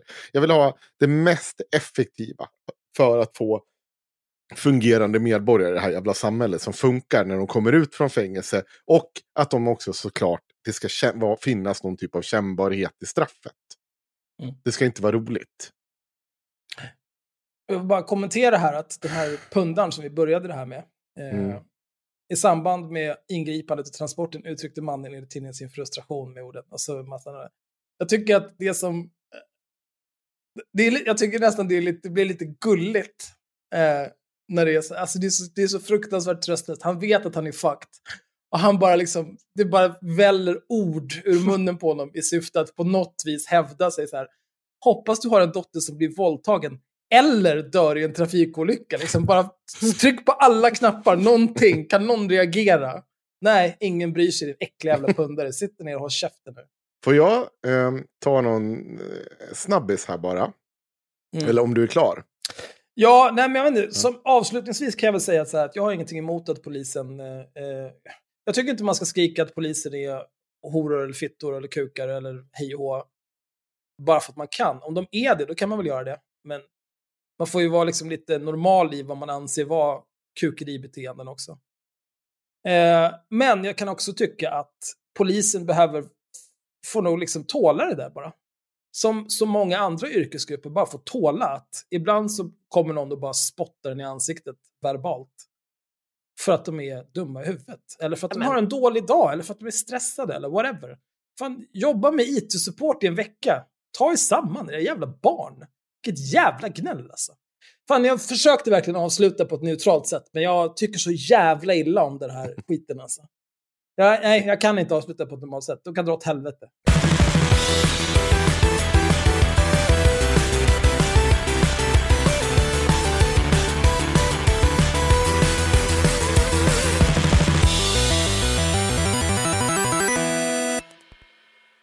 En annan person som du har pratat om flera gånger eh, och som du tycker väldigt illa om. Det är Jonathan Beså. Kommer du ihåg han? Ja. Moderaten. Men han är ju en privatperson numera. Ja, men vet du varför han är en privatperson numera?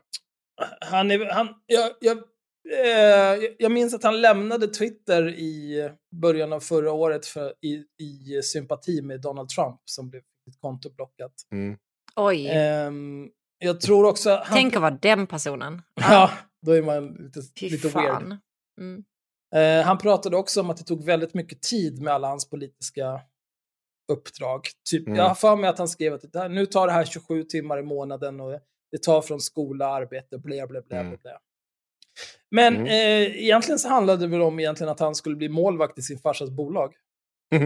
Sveriges sämsta hyresvärd är ny mygelaffär. Kronofogden har, under, kän, eh, har underkänt en mygelaffär mellan Tino Bosså, utsett till Sveriges sämsta hyresvärd, och hans son Jonathan Bosså, moderat politiker. Nu kan en del av familjen Bossås tillgångar säljas på exekutiv auktion. Ja, det var ju konstigt att han inte kunde vara kvar i Moderaterna. Oj, vilken chock jag är. Ja, konstigt. Eh, det, Det är synd in- verkligen, för han hade så extremt hög svansföring om hur man skulle bete sig och föra sig. Ja, jo, han hade... Det är ju så jävla mycket. Det är för övrigt gömda kärnor av såsen. Han har också hittat på att Malcolm Keane nu är på New Direction, Direction Young Leader Academy. Ni vet, vänsterpersonen, eh, vad heter det, Malcolm Keane. Och då har vi New Direction tankesmedja. New Di- Direction Foundation for European Reform. En politisk stiftelse på europeisk nivå. Tankesmedjan och, förlägg och förläggare åt europeiska konservativa och reformister. Den grundades 2009 med stöd från Margaret Thatcher. New Direction är en marknadsliberal tankesmedja som syftar till europeisk politik som stärker ansvarstagande, transparens och demokrati. Jag, Mm. jag trodde, jag trodde, inte han någon typ av klassisk marxist? Jag vet inte. Hallå? Vänster, Ah, nej. han som hade alla kvar? Nej, springa där och... Nej, nej, nej, absolut. Marknadsliberal tankesmedja grundad av Margaret Thatcher. Det låter ju som... Hej, nej, det, det är ju kommunism. att få lite uppmärksamhet. Det är så tramsigt. Alltså någon gång måste vi ju helt döda hans snack om att någon typ av vänster. Men han, Konservativ är, är inte det bara en... eh, Så det är väl bara en meme att han skulle vara vänster? Det är, Nej, precis, det är ju precis som med Marcus Allard. Ja, jo. De är de riktiga vänstern. Alltså jag de skulle, som ja, kan. Moralhora för övrigt som vi pratar med i Patreon-exklusiva ma- material. Han har skrivit en hel del om att Malcolm är en riktig vänster. men hur? Ja, och Och för sig, han- mig dum i huvudet för att jag tyckte någonting annat. Åh, gud. Men det var, det var bara några kortisar. Egentligen så vill jag gå över på... Har ni sett Uppdrag granskning? Nej. Som jag sa åt er att titta på. Nej. Nej. Sa jag visst det det? Så alls. 100 procent finns i text! Hundra procent sa jag det! Ja, visa mig, Ja, visa det. mig, visa mig. Då kan vi ta det Så nästa här. gång. För alla andra som, ja men jag har, tror inte att jag tagit med mig lite klipp så att ni ska få höra Ja, också. men jag vill inte. Ja, men nu får ni det. För att, Men varför säger du till oss att vi ska titta på det om du sen är för att förberedd jag för vet att vi ni inte ska på mig. Varför, varför, beter Ingen lyssnar på mig i den här Tänk podden. Ingen har någonsin lyssnat på mig i den här Varför sätter du dig själv Ja, upp för den här vet, jag vet besvikelsen, inte. Det är, det är Ja. dumt. Så här. Sossarna har ju haft kongress, det har ni väl inte missat? Nej. Sossarna har varit med på Uppdrag granskning, det har ni inte missat. Ah, Sossarna, ja, okej det har ni missat. Ja. Men just det, det kom vi överens om. Det, det det Men, eh, och sossarna har också blivit uppmärksammade i arbetet, eller snarare arbetarrörelsen, det vill säga facken och LO, inom LO-kollektivet och hur tufft det är med stödet för sossarna inom LO-kollektivet, både monetärt, alltså i form av bidrag, men också såklart i hur folk ser på att man ska ge bidrag till sossarna. Jag tänkte väl börja med att bena lite i Uppdrag granskning. Eh, för att så här, Uppdrag granskning har gjort en dokumentär, eller gjort ett avsnitt som heter eh, Det nya Socialdemokraterna. Eh, och egentligen, så här, det, det är en väldigt, det, det, har, det har väckt känslor kan jag säga, Uppdrag granskning, som de så ofta gör. Jag tycker att det är, man är lite snarstucken eh, kring det här avsnittet. Jag tycker att avsnittet eh, i sig, det som är konstigt med det, det är väl att det är väldigt olikt Uppdrag granskning. Det är liksom inte så mycket granskning mer än att man åker land och rike runt och, och säger liksom att ja, titta här, nu tycker folk inte om sossarna längre. Det var hemskt. Eh, och vissa säger att det är någon typ av reklampelare för SD. Ja, jag kan väl hålla med om att det är inte så mycket kritiska frågor, men helt ärligt, förutom att det är ett konstigt format för Uppdrag granskning, så var det faktiskt en extremt intressant dokumentär. Det, det, det, det tog ett brett grepp till de olika diskussionerna som faktiskt pågår kring arbetarrörelsens koppling till sossarna, om sossarna är arbetarrörelsen, om sossarna är vänster eller höger, men också såklart som det egentligen har ställts hela tiden i relation till. För att vi blöder ju eh, väljare till SD. Och, och då blir det ju lätt att ställa den nya frågan, är Sverigedemokraterna det nya arbetarpartiet? Och hur ska man ta i den frågan? Och jag tyckte faktiskt att de gjorde det ganska bra. Jag tyckte det var ett otroligt intressant avsnitt. Eh, det sitter säkert massor där ute som var skitirriterade på när jag säger det, men jag, jag tyckte det var väl värt att lyssna på. Men framförallt så tyckte jag att det blev... det blev liksom... De, de lyckades också sätta fingret på ett stort problem inom socialdemokratin och kopplingen till, liksom, till arbetarrörelsen. Eh, genom att eh, prata om LAS-uppgörelsen. Och för er, jag, jag, jag kommer inte gå in på alla detaljer eh, kring LAS, men det som har hänt är att eh, Kommunal, IF Metall och lite tjänstemannaförbund har gått med på en försämring av lagen om anställningsskydd. Eh, de här reglerna kring vem som är eh, vad heter det, sist in först ut och undantag från det och ja, en massa grejer. Och i, i utbyte har man fått ett antal grejer som stöd till omställning, eh, vad fan är det mer? Halvering av allmän visstid. Men kon, kon, kon, kontentan är väl att det har, varit en, det har varit negativt till facken. Alltså att facken förlorade i den här uppgörelsen. Mm. Vad ska de göra då? Ja. då? Strejka vilt? Ja, det är typiskt när jag behöver byta till ett av era jävla pissfack så går ni och Ja. förlorar såna här. Ja, man blir så Ah. förbannad. Jag ska spora fram till bara snabbt nu så ska ni få höra lite när de faktiskt pratar i Uppdrag granskning med en från Kommunal. Eh, Hon, eh, hon får väl presentera sig själv. Jag tror att det är det de gör. Nära relation med fackföreningsrörelsen och eh, jag tycker att det facklig-politiska samarbetet har vi stärkt under den här mandatperioden, inte minst. I Skurup, Skåne, bor undersköterskan Mia Kristensson.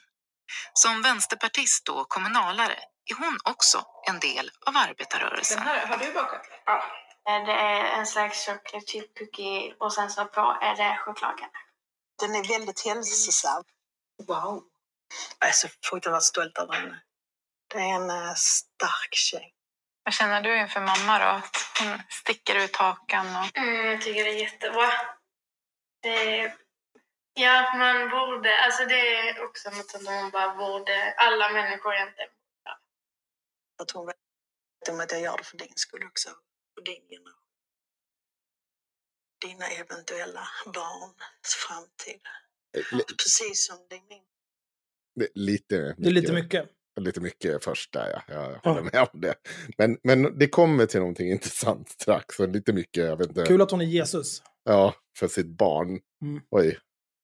Och kvinnorna som har banat vägen för mig.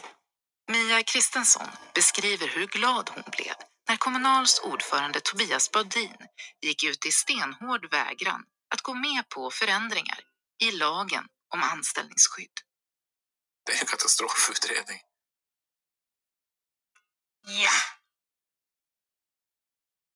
Så kände jag. Varför det? Uh, det är nog första gången jag ser en så stark facklig ledare. Då kände du... Eh, nu, nu jäklar har vi någon där som tar striden för oss. Som är där för oss, som sitter där för oss. Som ser oss och vet vad det handlar om. Vad som står på spel.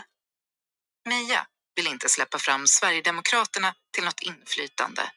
Men hon tror att det finns andra vägar än att kompromissa med fackföreningens grundfråga, anställningstryggheten. Jag ska bara pausa här snabbt och säga det att för, för den som lyssnar så måste man förstå att LAS är ju en sån där grej som att när man går igenom eh, fackföreningsrörelsens grundutbildning och sånt där, då, då är liksom det, det är ju ett av skyddsvärnen för oss arbetare. det ska liksom vara eh, full sysselsättning, vi ska ha en stark a-kassa, stark arbetsrätt där liksom LAS ingår och, ja, och lite mer. Det är, det är super, det är liksom så här, det är någonting som bankats in från den första utbildningen, hur viktigt det här är, hur bra LAS är. Eller, eller inte hur bra LAS är, för det, det är inte så att LAS inte liksom har fått rejäla törnar i liksom sin krona, eller vad man fan säger man så? Det är fel uttryck. Jag har ingen aning vad du Vi kan säga att du säger så. Ja, ja, men, Det blir bra. att liksom, eh, ja, men det, det har naggats i kanterna, om jag säger så, då, på den lagstiftningen. Genom praxis eh, i olika grejer. Bland annat har man upptäckt att man kan göra olika typer av hyvlingar av anställningar utan att behöva faktiskt säga upp en person. Det vill säga att du kan tappa hälften i din arbetstid utan att du får stå med på eh, att det LAS kickar in och säger att först, eh, sist in först ut. Eh, för att du har inte blivit uppsagd. Och det här har vi för, förlorat. Eh, alltså, det, helt enkelt en väldigt viktig lagstiftning, en väldigt viktig fråga internt. Som egentligen började lobbas med runt 2015 från IF Metall, att man ville göra förändringar i det här.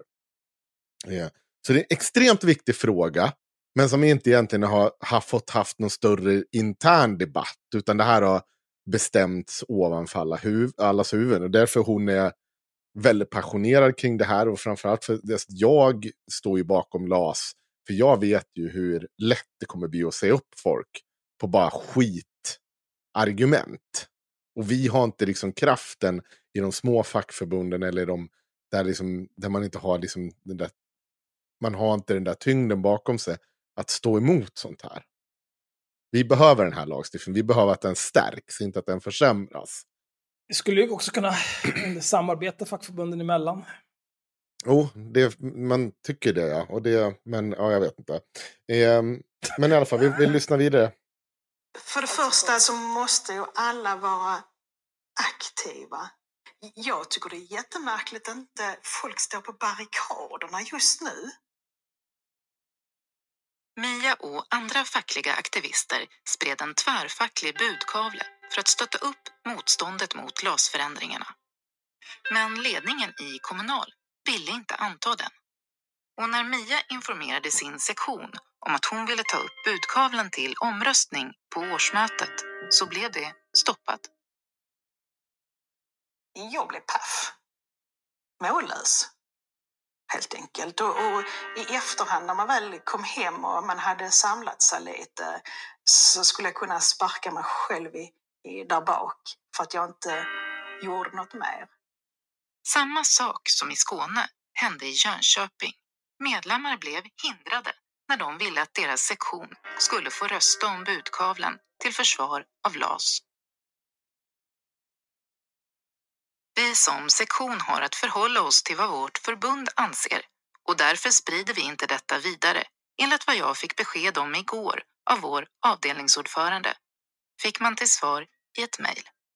Men varför tycker du att det är så självklart att man ska kunna eh, som medlem ta med sig den på ett möte och få till en omröstning? Eh, varför är det så viktigt, tycker du? I ett enda ord, demokrati. Och det är ju det som får medlemmarna att engagera sig. Vi som fackförening som kommunal, vi kommer inte ta ställning i den frågan för vi upplever att det här är en intern diskussion för fackförbundet IF Metall att ta. Den, den måste de få hantera. Det där var alltså Tobias Baudin, tidigare ordförande i Kommunal, som sa det där. Mhm. Inte bara IF Metall internt. Detta drabbar ju oss alla. Men som sagt, för vi vill vara jättetydliga. Medlemmarna i Kommunal, de bestämmer själva vad de vill skriva på och inte skriva på. Det ska inte jag bestämma. Jag kommer inte medverka till att försämra tryggheten. Därför kommer inte Kommunal vara med i de här LAS-förhandlingarna. Och blir det en politisk fråga, då kommer vi ta strid och då kommer vi stå på medlemmarnas sida. Och vad kommer det innebära konkret? Jag tänkte, vi kommer inte acceptera några förändringar. Det är bra, säg ifrån. Mm, säg ifrån ja. Spännande kan man tycka. Det var ju Kommunal, det är ju ditt förbund nu. Ja. Ja, det är jag och Loa. Eh, så här. Där har ju liksom, Kommunal var ju tidigt ute och var ganska starka i, i, i den här frågan. Men samtidigt så hör ni det där att medlemmarna får inte ta upp det här till omröstning.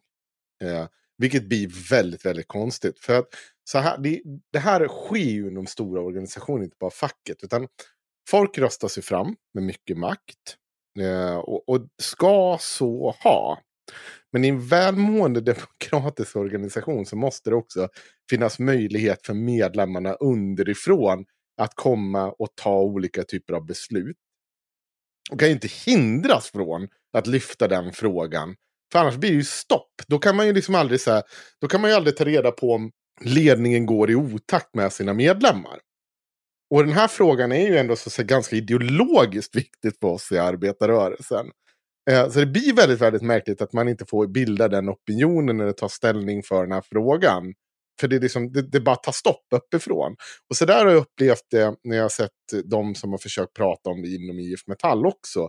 Alltså som inte då som Velipekka som är eh, deras eh, vad heter det, avtalssekreterare. Som väldigt stark position inom IF Metall. Att det har man inte heller fått liksom jobba med opinion underifrån. Det, det blir bara stopp då.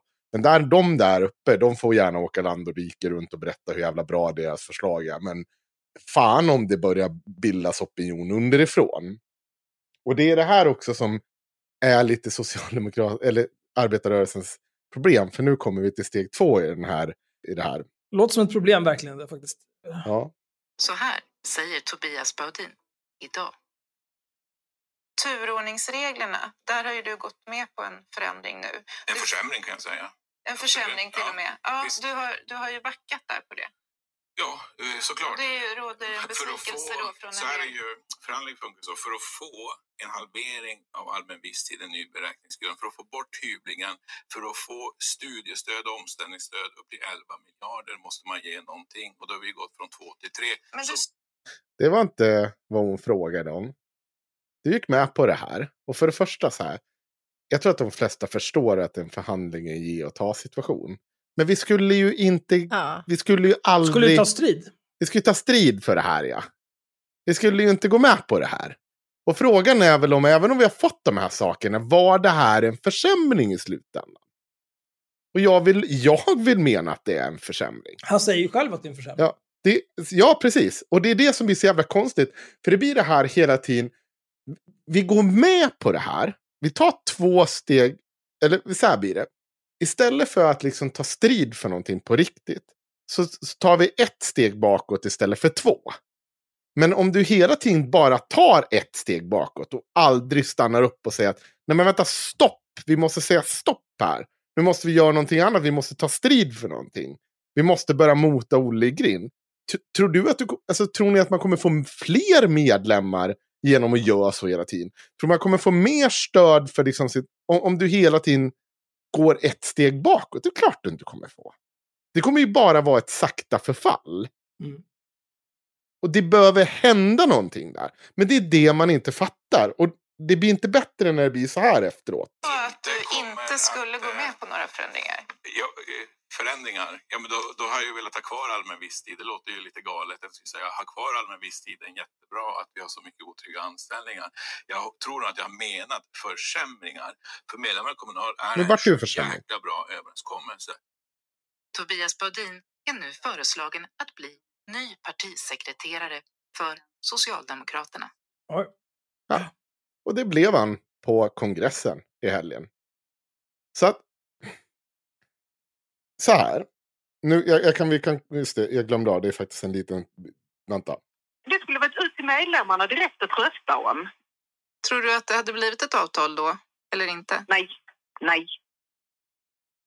Han har sålt ut oss för en politisk karriär. Det var tacken från S för han sålde ut oss. Ja, det är klart jag blir ledsen när jag hör det och det är definitivt inte sant. Jag, varje dag har jag kämpat för att stärka Kommunal som fackförening. Men hur känns det ändå att de andra förbunden de tyckte det här var så dåligt så de vill inte ens Jo, vara det- med? Hur känns visst. det då? Det är jättetufft. att Det här, Det är klart att det är inget roligt att höra, men nu fick vi möjlighet att påverka den lagstiftning som ändå skulle ha gällat, att göra den bättre. Och det gjorde vi. så det här var inte en eftergift till eh, Socialdemokraterna som partiet? Nej, definitivt inte. Nej, definitivt inte. Och så här. Jag tror inte att han sitter och blåljuger där. Jag tror inte att han fick så här. Här har du eh, partisekreterarrollen. Eh, kolla här, får du det. Så, så, så går du med på att vi gör de här lagstiftningsförändringarna. Det är så det funkar. Nej, nej, absolut inte. Så sitter man inte och diskuterar. Men det jag däremot tror, på den nivån, så vet man att man inte, om man liksom är med och tar tuffa beslut så kommer dina polare rädda upp det i slutändan. Det är liksom kutym. Det kommer finnas jobb till dig att gå till. Det är inga problem. Nej. Det löser vi. Jag förstår inte, var, varför vurmar du så mycket för den här äckliga sekten? Det är bara bränn ner och börja om. Ja, men jag, jag tror, jag, ja, vissa tycker det, men av flera anledningar. Jag tror att ett, vi kan bättre än det här. Jag tror att det måste finnas en livlig opposition. Jag tror att det är... Eh, jag, vet, alltså så här, jag tycker ju att Sverige har blivit ett sånt fantastiskt land, mycket på, eh, till grund på att vi har liksom haft en, en bra socialdemokrati, en bra arbetarrörelse som har jobbat ihop. Och jag tror ju på den facklig politiska alltså, kopplingen. Vi, så länge vi har lagstiftning kring arbetsmarknaden som stiftas av våra, eh, de som sitter i riksdagen, så måste alla parter på arbetsmarknaden vara med och påverka den lagstiftningen, tycka till om den.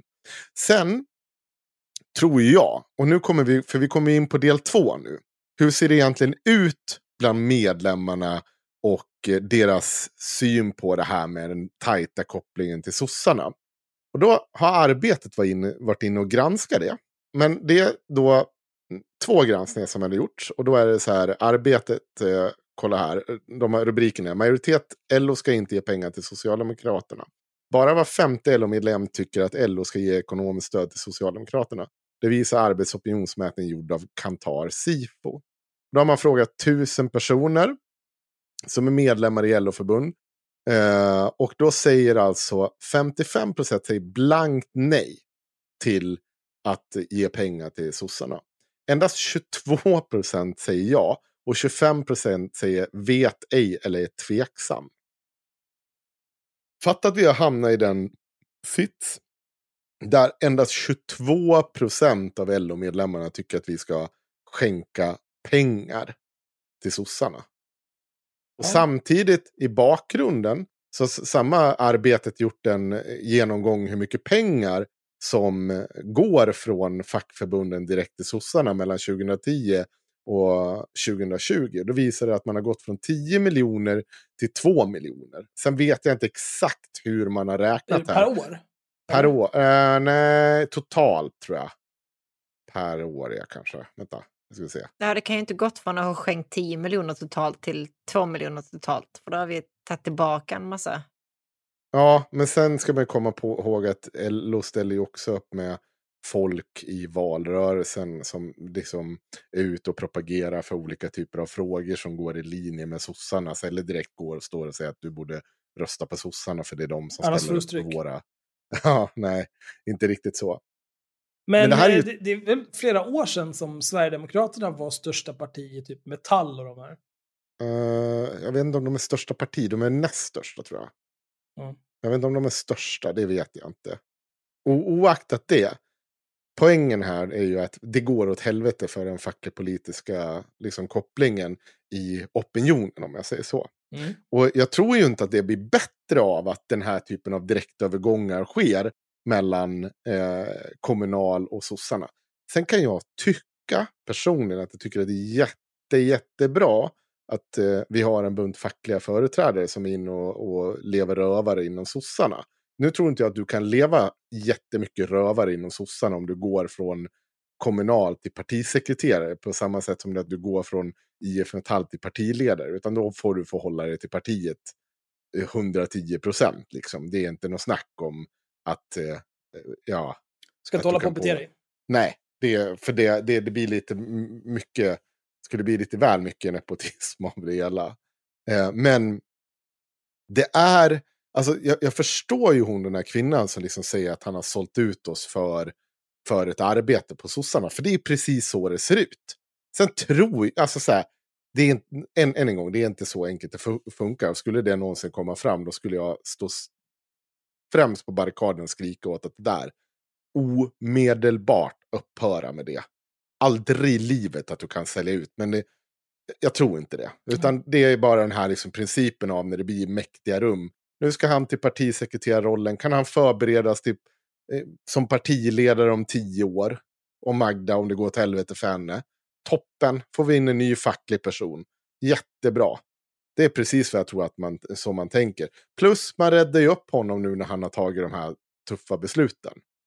Så det är liksom... Ja, det men det, där lite så- handlar ju om, eh, alltså när man har en organisation som är sådär, om man inte ser till så att de som fattar de här tråkiga besluten som är impopulära, att de landar mjukt, Ja. då är det ju ingen som någonsin kommer fatta den typen av beslut igen.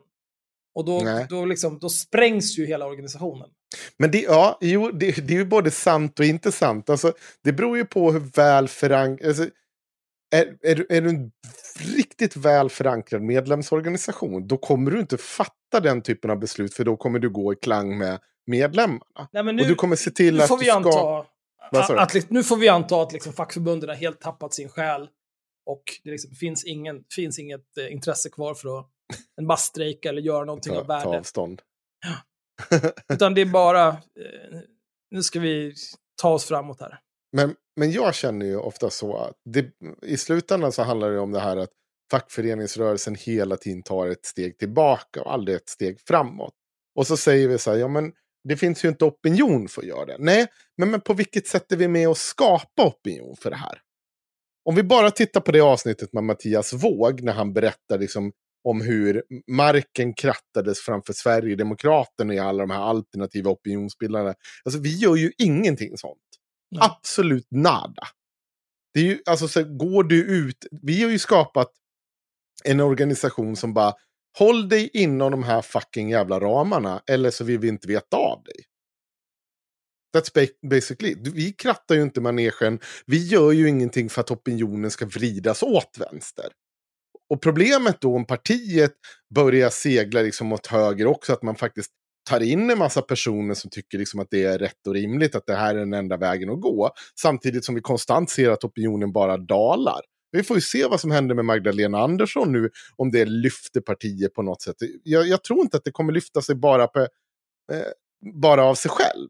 Och då kommer vi till nästa del i, i det här som har hänt sen sist. Och det är ju att nu sitter ju alla jävla sossar och säger så här. Eh, att man ska inte stoppa eh, att det vore ju för jävligt om vänstern stoppade den Sveriges första kvinnliga statsminister. Ja, det Jag är kan- väldigt cringe. Ja, det är väldigt jobbigt. där. På söndagskvällen skriver Margot Wallström att allt nu hänger på Vänsterpartiet om det också ska bli så. Jag blev, för, jag blev förvånad när jag läste tidningen att Vänsterpartiet inte, inte givit besked kring den kommande statsministeromröstningen. Överväger Nooshi Dadgostar på allvar att stoppa Sveriges första kvinnliga statsminister? Exakt 100 år efter införandet av den kvinnliga rösträtten, skriver, skriver Wallström. För ett feministiskt parti finns det ingen vettig argumentation att stoppa Magdalena Andersson. Dessutom med samma mandatfördelning som de släppte fram Stefan Löfven. Och med alternativet den mest högerkonservativa regeringen i Sveriges moderna historia. Nooshi Dadgostar, det hänger på dig nu. Eller kommer Vänsterpartiet kräva eh, något mer? Ska det kosta mer att rösta igenom en kvinna? Allt annat är ju lika. Dags är ju besked nu. Detsamma kan man se i rubriksättningen hos Aftonbladet. Stoppa V, Sveriges första kvinna som statsminister. Helle Klein. Så här, efter 100 år efter rösträtten infördes även för kvinnor känns det fantastiskt att Sverige snart kan få sin första kvinna på statsministerposten. Det vore absurt om Dagostar eller Löf skulle stoppa detta. Ja. ja. Alltså så här är det. Det är inte feminism att rösta fram en kvinnlig statsminister bara för att hon är kvinna. Det är sexism. Men vi, kunde ju lika gärna rösta fram Ebba Busch eller eh, Annie Lööf eller Anna Kinberg Batra när hon var stats- eller partiledare för Moderaterna. Jag vet inte. Det, Nej, det, det, det, det, hela den här grejen att så, här, nu måste det bli Magdalena Andersson för att hon är kvinna. Det, eh, jag trodde först att det var ett skämt när jag såg det. För att det är så fruktansvärt Alltså, jag pinsamt. ser... Det är så jävla pinsamt. Jag ser jättegärna en kvinnlig statsminister.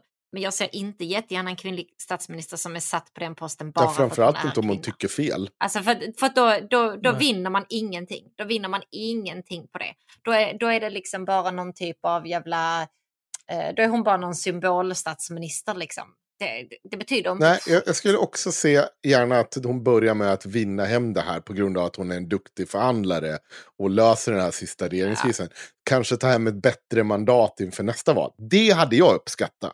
Det hade varit toppen. Jag har verkligen inget problem med Magdalena Andersson på det sättet. Eh, kanske inte den vänsterkandidaten jag söker, som jag alltid vill ha, drömmer om är bortom. Men jag har träffat henne, en, en sån där stark personlighet. Person som jag, hon kommer nog göra det hon ska göra i sossarna och, och säkert gör det framförallt snacka mycket bättre än vad Stefan Löfven gör. För han har ju verkligen, han pratar ju som jag pratar. Men han tycker ju inte om att prata. Nej. Nej. Det blir ju väldigt tydligt när man hör honom prata, så han har ingen lust. det, är så jävla, det är som alla säger, det här lilla klippet när han skäller över eh, vad heter Mattias Karlsson. Ja. eh, att han inte har tagit sin covid-spruta. Alla säger ju det att det är så jävla... Vad fan har du varit de senaste tio åren? Ja, och du pratar flitar. Ja, så, här, du har bara stått och... Det har ju varit så jäkla så här, svårt att hitta orden. Och jag är ju sån jag också. Jag tänker ofta på det med, med cringe när jag lyssnar på mig själv i efterhand. Att jag använder fel ord och sånt där. Eh, jag är inte världens största talare eller något sånt där. Men jag ska ju heller inte aspirera på en jävla partiledarroll. Men hon kommer ju klara av det. Hon Men det kommer, jag tror hon kommer vara inte- lysande i debatter. Löfven ville väl egentligen inte bli partiledare, va? Nej, nej, det finns ju någon historia om att han typ, de tryckte in han i ett hörn och tvingade han att bli det. Mm. För allt höll på att gå åt helvete. Ehm, ja, det, det har skrivits en bok. Det har skrivits en bok som är, vad är det, den, hum, någon så här, som refererar till att humlor egentligen inte ska kunna flyga. Jaha. Eller något sånt där, den jävla myten. ja, men han gör det ändå. Mm. Jag vet inte. Alltså, än en gång, så här, jag tycker att, all, att de här granskningarna kommer samtidigt. Jag tycker någonstans att det är bra, men jag är rädd för att partiet och arbetarrörelsen inte kommer liksom ta tag i det där snart nog. Jag har inte, jag har inte lösningen på alla jävla mm, sakpolitiska frågor. Jag såg att reformisterna fick extremt mycket stryk på kongressen, även om de kom, kom ut där och sa att allting var så bra. De flesta tyckare och tänkare hade liksom var eniga om att nej, ni fick på moppo. Ni fick inte igenom alls den. Och jag tror på reformisterna att det, det kommer ta ett tag innan de kommer fram. Eh, men det är ju extremt splittrat inom partiet också.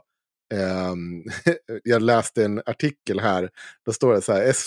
S-föreningen Reformisterna sägs uppträda som ett parti inom partiet och reta gallfeber på partietablissemanget. Sent på onsdagskvällen ändrar stadgarna på ett sätt som ska, vända, eh, som ska väntas ge gruppen mindre inflytande. Oj. Internt kallar vi det läxreformisterna, säger ett ombud. Um, de uppträder som ett parti inom partiet, säger ett ombud som är kritiskt ur föreningen utmanar, utmanar partietablissemanget. Och det här, att man sitter och säger så här om en demokratiskt mobiliserad del i sitt eget parti. Det, det är så jävla tydligt hur stela ramar man har för hur du får göra och hur du får uppträda. Det är sådana här människor som skriker kupp så fort någon har blivit liksom bortröstad från sin post. Du ska liksom här, du ska ha avgått. Du ska ha varit framtagen av, av, av eh, valberedningen. Det får inte gå... Och nej, kommer det någon här och är populär? Dra mig baklänges! Så får det inte... Det är en kupp! Det är en kupp! Det, och det är så jävla töntigt. Det, för det, man är så jävla rädd för att ha den här utrymmet för demokrati. Och jag, jag har försökt ta reda på liksom var det kommer ifrån.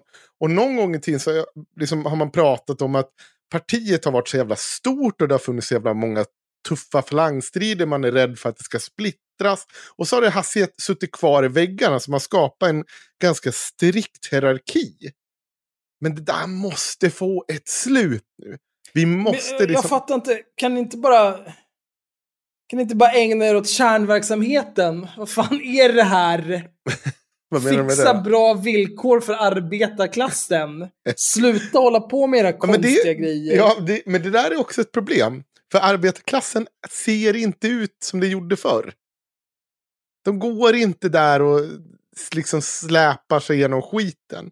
Det är en ny typ av arbetarklass som har växt fram i låglöneyrken och sånt. De är människor med invandrarbakgrund som har haft svårare att mobilisera. Eh, vi har en liksom, framväxande medelklass som är liksom... De tjänar ganska bra med pengar. Mm. Vad fan är snittlönen i det jävla landet? Det är väl 37 000 eller något sånt där. Oj, det, det låter väldigt högt. 30, 30... Vänta, snittlön Sverige. Kolla. Medianlön och genomsnittslön. Här, ekonomifakta. Medianlönen i Sverige skiljer sig inte särskilt mycket åt mellan privat och offentlig sektorn. De privatanställda uppgick den till 32 500 kronor i månaden 2020, vilket, innebär, vilket kan jämföras med 32 200 kronor bland offentliganställda. Det är jättemycket pengar.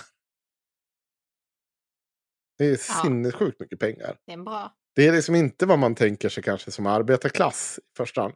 Men å andra sidan ska man inte heller, man ska komma ihåg det att om du inte har pengar så att du klarar dig typ, vad fan är det, tre månader utan Um, alltså att du faller efter typ en månad, då, har du inte, då spelar det ingen roll.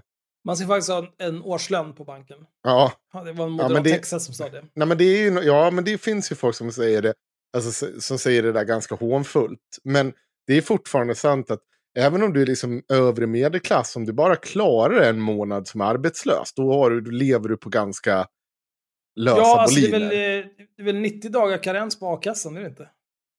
Nej, nej, 90, nej, nej, nej det, det är en vecka karens på a-kassan. Ja, om du blir arbetslös. En om vecka? Du, om, du, om du säger upp dig nej, själv fan, och blir arbetslös alltså, är det 45 dagar. Jävla arbetstagare, jag är bortklemad i det här jävla skitlandet. Mm. Det borde vara 90 dagar minimum.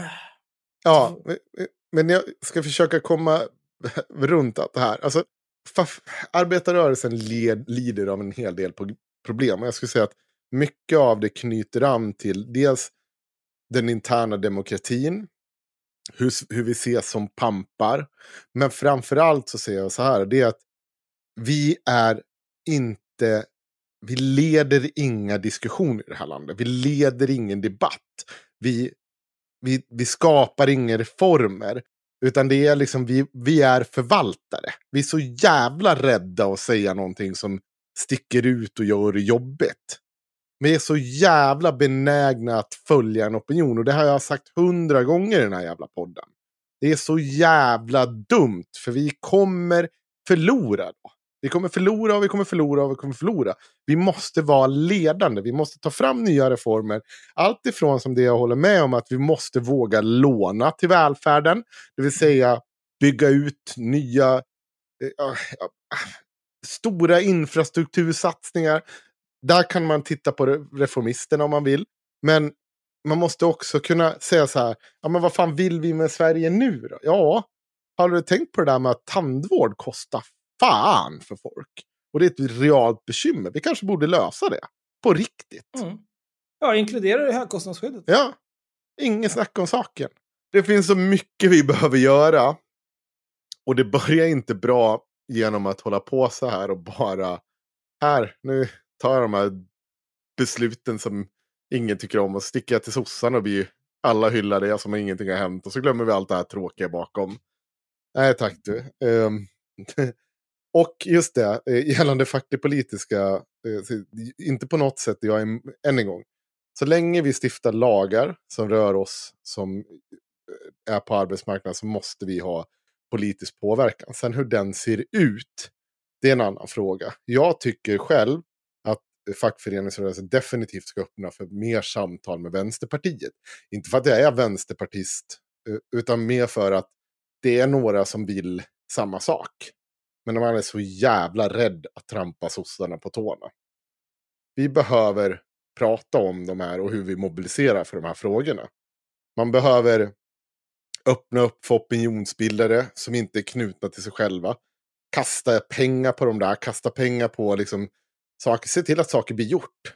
För det är så här att det premieras inte huruvida ja, men, läxpolitism hur många miljoner kastades inte in i det här projektet som ingen, förutom vi bittra gamla sossar minns och vi som satt och gnällde om det för fyra år sedan. Det kastades så mycket pengar i sjön på det där och det gav inte ett jävla skit.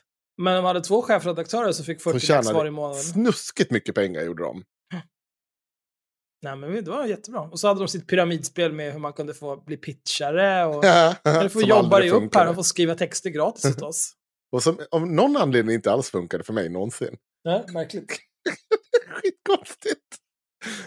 Nästan så. En dag ska jag fråga Erik Rosén om det där var någon som hade spärrat alla hans mejladresser, är snäll. Så jävla dumt. Jag ska ta en sista grej också. Nej, jag har en grej här. Jaha. Eh, vi fått ett, det, det händer i gruppen här nu. Okej. Okay. Bengan för en halvtimme sedan. Wolverine Kos avbokade som talare på Socialistiska vårdarbetares manifestation idag 17.30 i Malmö. Enligt henne handlar det om transfobi, men mer sannolikt att hon är en or ormoljesäljande charlatan och taskspelare.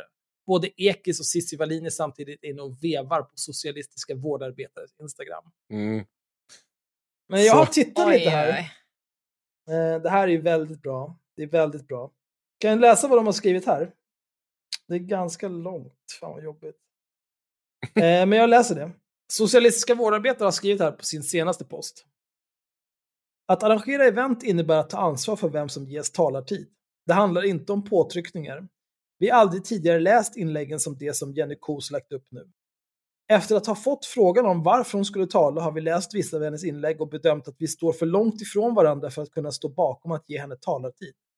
Det bygger delvis på hennes egna ord och delvis på haveristernas granskning. Get fucked! Oj! Ja. Oj. Oj. Jag har redan varit inne och oj, oj. Det här ska vi följa upp. vad, det här vad läste du på det här? Säger på socialistiska.vårdarbetare. Vardarbetare. Arbetare. Perfekt. Eh, Ja. för oss är det viktigt att all kamp är inkluderande. Att inkludera och acceptera och tolerera är olika saker. Jenny Kos har bland annat skrivit att könskaraktäristiska skulle kunna sägas utgöra ett spektrum, ställt den retoriska frågan är det bara kvinnor som kan menstruera? utan att ge ett tydligt svar på frågan och som nyligen skrivit att det inte är konstigt att flickor vill byta kön. Den här sortens uttryck tyder på att vi har olika bild av vad en inkluderande vård är. Ja. Och sen så fortsätter det så och eh, ja, ger ett, ett, ett ganska rimligt svar på varför de avbokade henne som talare. Jenny Kos har ju såklart lagt upp en bild på sig själv på det här torget där hon skulle ha talat. Eh, och skrivit cancelled med stora röda bokstäver över. Ekis Ekman är där. Hej, tre frågor till er. Vad är socialistiskt med att avboka kvinnor på grund av att de har en materialistisk syn på kön? Avboka kvinnor. Nu måste ni välja Magdalena Andersson som statsminister. Vad har ni Ja. själva för syn på kön? Hur bygger man en bred och folklig rörelse om man brännmärker människor på grund av anonymt angiveri? Hur är det anonymt angiveri?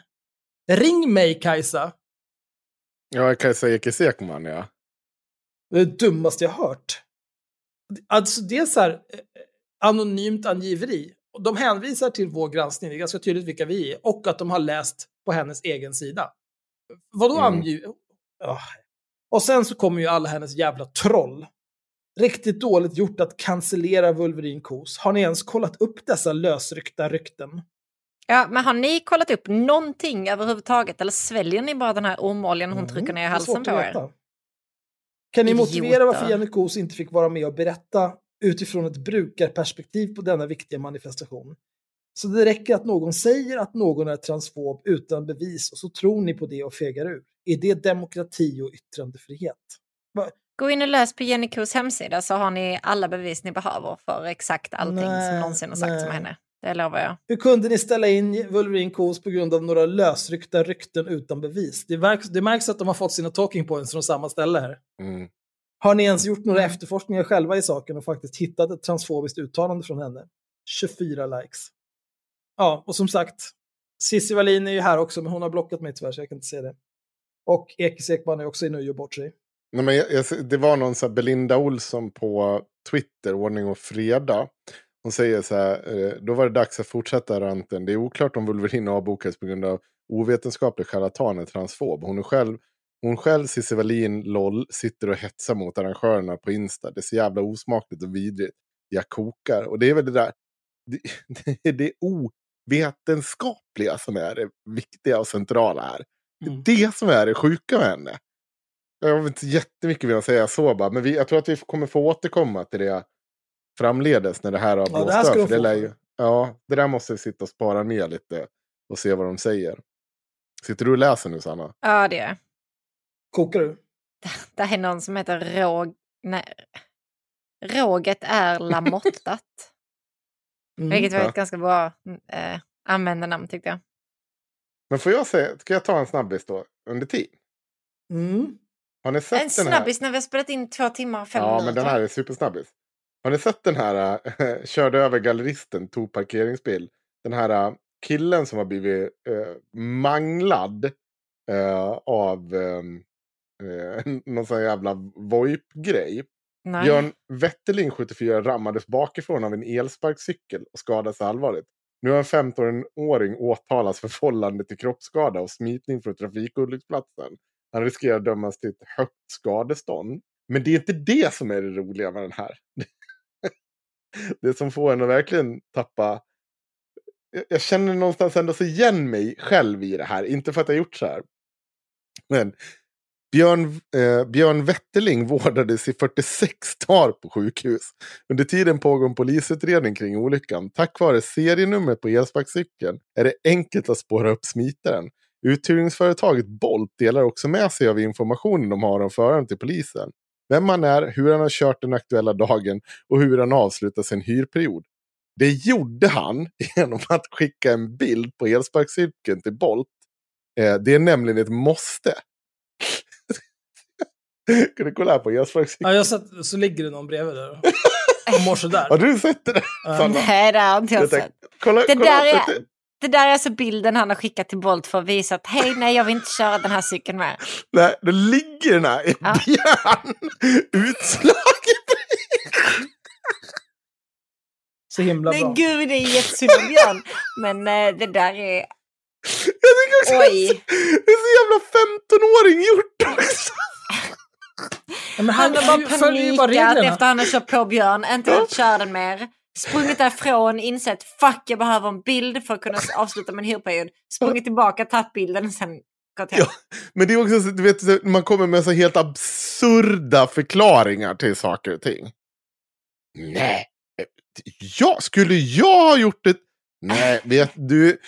eh, det var så här att någon kom och tog den här cykeln och drog ett varv. Jag var inte med. Och sen, han hade också fått ta på min mobil, den fick jag tillbaka sen. Alltså så, riktiga dumförklaringar man drog när man var runt liksom, den där åldern och skulle förklara bort sig för mamma. Och man bara, man, hon bara stod och tittade på en så bara, varför tror du att jag är förståndshandikappad? Men alltså jag kan, det är jag, den kan blicken. känna, jag kan känna ångesten i den Ja. bilden. Alltså det är stressen bara. Åh, vad jag gjorde av dig! Eh, och sen gjorde han ju fel val. Han skulle ju bara stått för det. Men, ja. Ja, Han, sk- han skulle ha tagit en annan vinkel, bra inte där man ser liksom en björns avslappnade kropp på grund av fucking överkörd. Nej, Ja. det är inte bra. Det är inte bra. Nej, det är det inte. Det är bra. Ja. Har ni mer att säga? Nej, vill inte. Nej, vi i det. Då går vi och lägger. Vi har gett vi har två timmar och tio minuter strax, Axel. Vi kan, vi kan gott, med gott samvete avsluta nu. Gå och spela lite Fortnite innan jag går och lägger mig. Oj, fint ska det vara. Ja. På tal om Ah. att relatera till att vara en 15-årig pojke eller?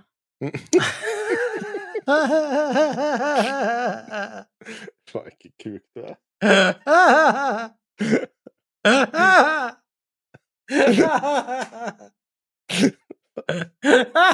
Alltså jag avskyr när ni är glada.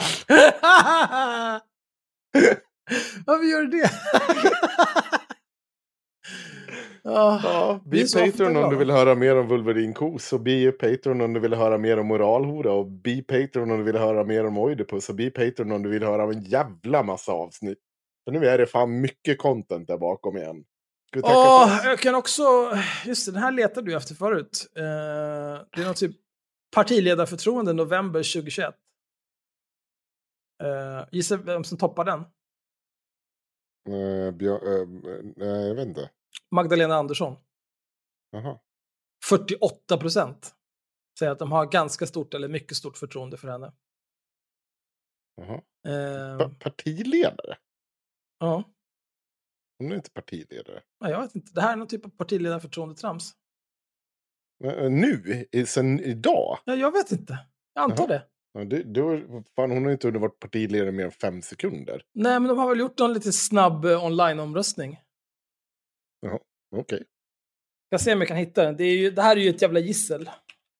Ja, men det- ska vi, behöver vi, ska vi inte bara lägga på? Oj, varför är du så... Ja, ja, vänta. Vad händer nu? Cissi Wallin har ju svarat socialistiska vårdarbetare. Ja, det är klart Nej. hon har. Intressant resonemang och att ni hänvisar till en påstådd granskning av en podd driven av två män som flertalet gånger anklagats för allt från rasism till sexuella övergrepp på kvinnor. Det är klart Varav en av Vilken dessa jävla män- apa du är Cissi Wallin! Varav en av dessa män även erkänt att han begått ett övergrepp på en ung kvinna i en utsatt situation. Det har, för Men fan det- vad hon är sjuk i huvudet. Po, nu polisanmäler vi henne igen. Kan vi, kan vi Hon är inte, så bara, jävla sjuk kan vi inte bara påminna Cissi nu, för vi vet ju ändå att hon lyssnar här. Vem var det som gjorde det här avsnittet av Wolverine? Henrik, var det du? Mm. Var det du? Nej, nej. Nej, Axel, var det du? Ja, Men, jag gjorde det avsnittet precis efter att jag startade IRM. nej, för det var, det var inte de här två männen, Sissi, som gjorde det här avsnittet. Det var jag tillsammans med en massa andra kvinnliga, kunniga, sakkunniga gynekologer, läkare, eh, andra eh, sexuellt reproduktions och eh, em, eh, proffs helt enkelt. Inte någon ah, äcklig jävla överklasskärring som bara sitter och sprider transhat på nätet. Eller hur? Eller hur Sissi? Visst var det så? Ja, nej, okej, nu är jag redo att gå och lägga mig. Ja, nej, men nu stämmer vi henne. Det gör vi. Nu kör det. vi. Nu Puss räcker det. Fridens. the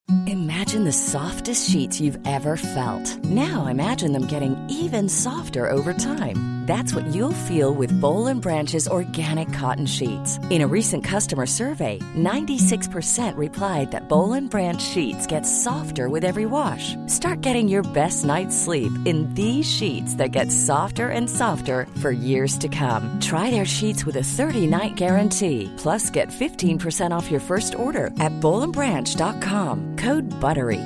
Exclusions apply. See site for details. Normally, being a little extra can be a bit much, but when it comes to healthcare, it pays to be extra. And United Healthcare makes it easy with Health Protector Guard fixed indemnity insurance plans. Underwritten by Golden Rule Insurance Company, they supplement your primary plan, helping you manage out of pocket costs without the usual requirements and restrictions like deductibles and enrollment periods. So when it comes to covering your medical bills, you can feel good about being a little extra. Visit uh1.com to find the Health Protector Guard plan for you.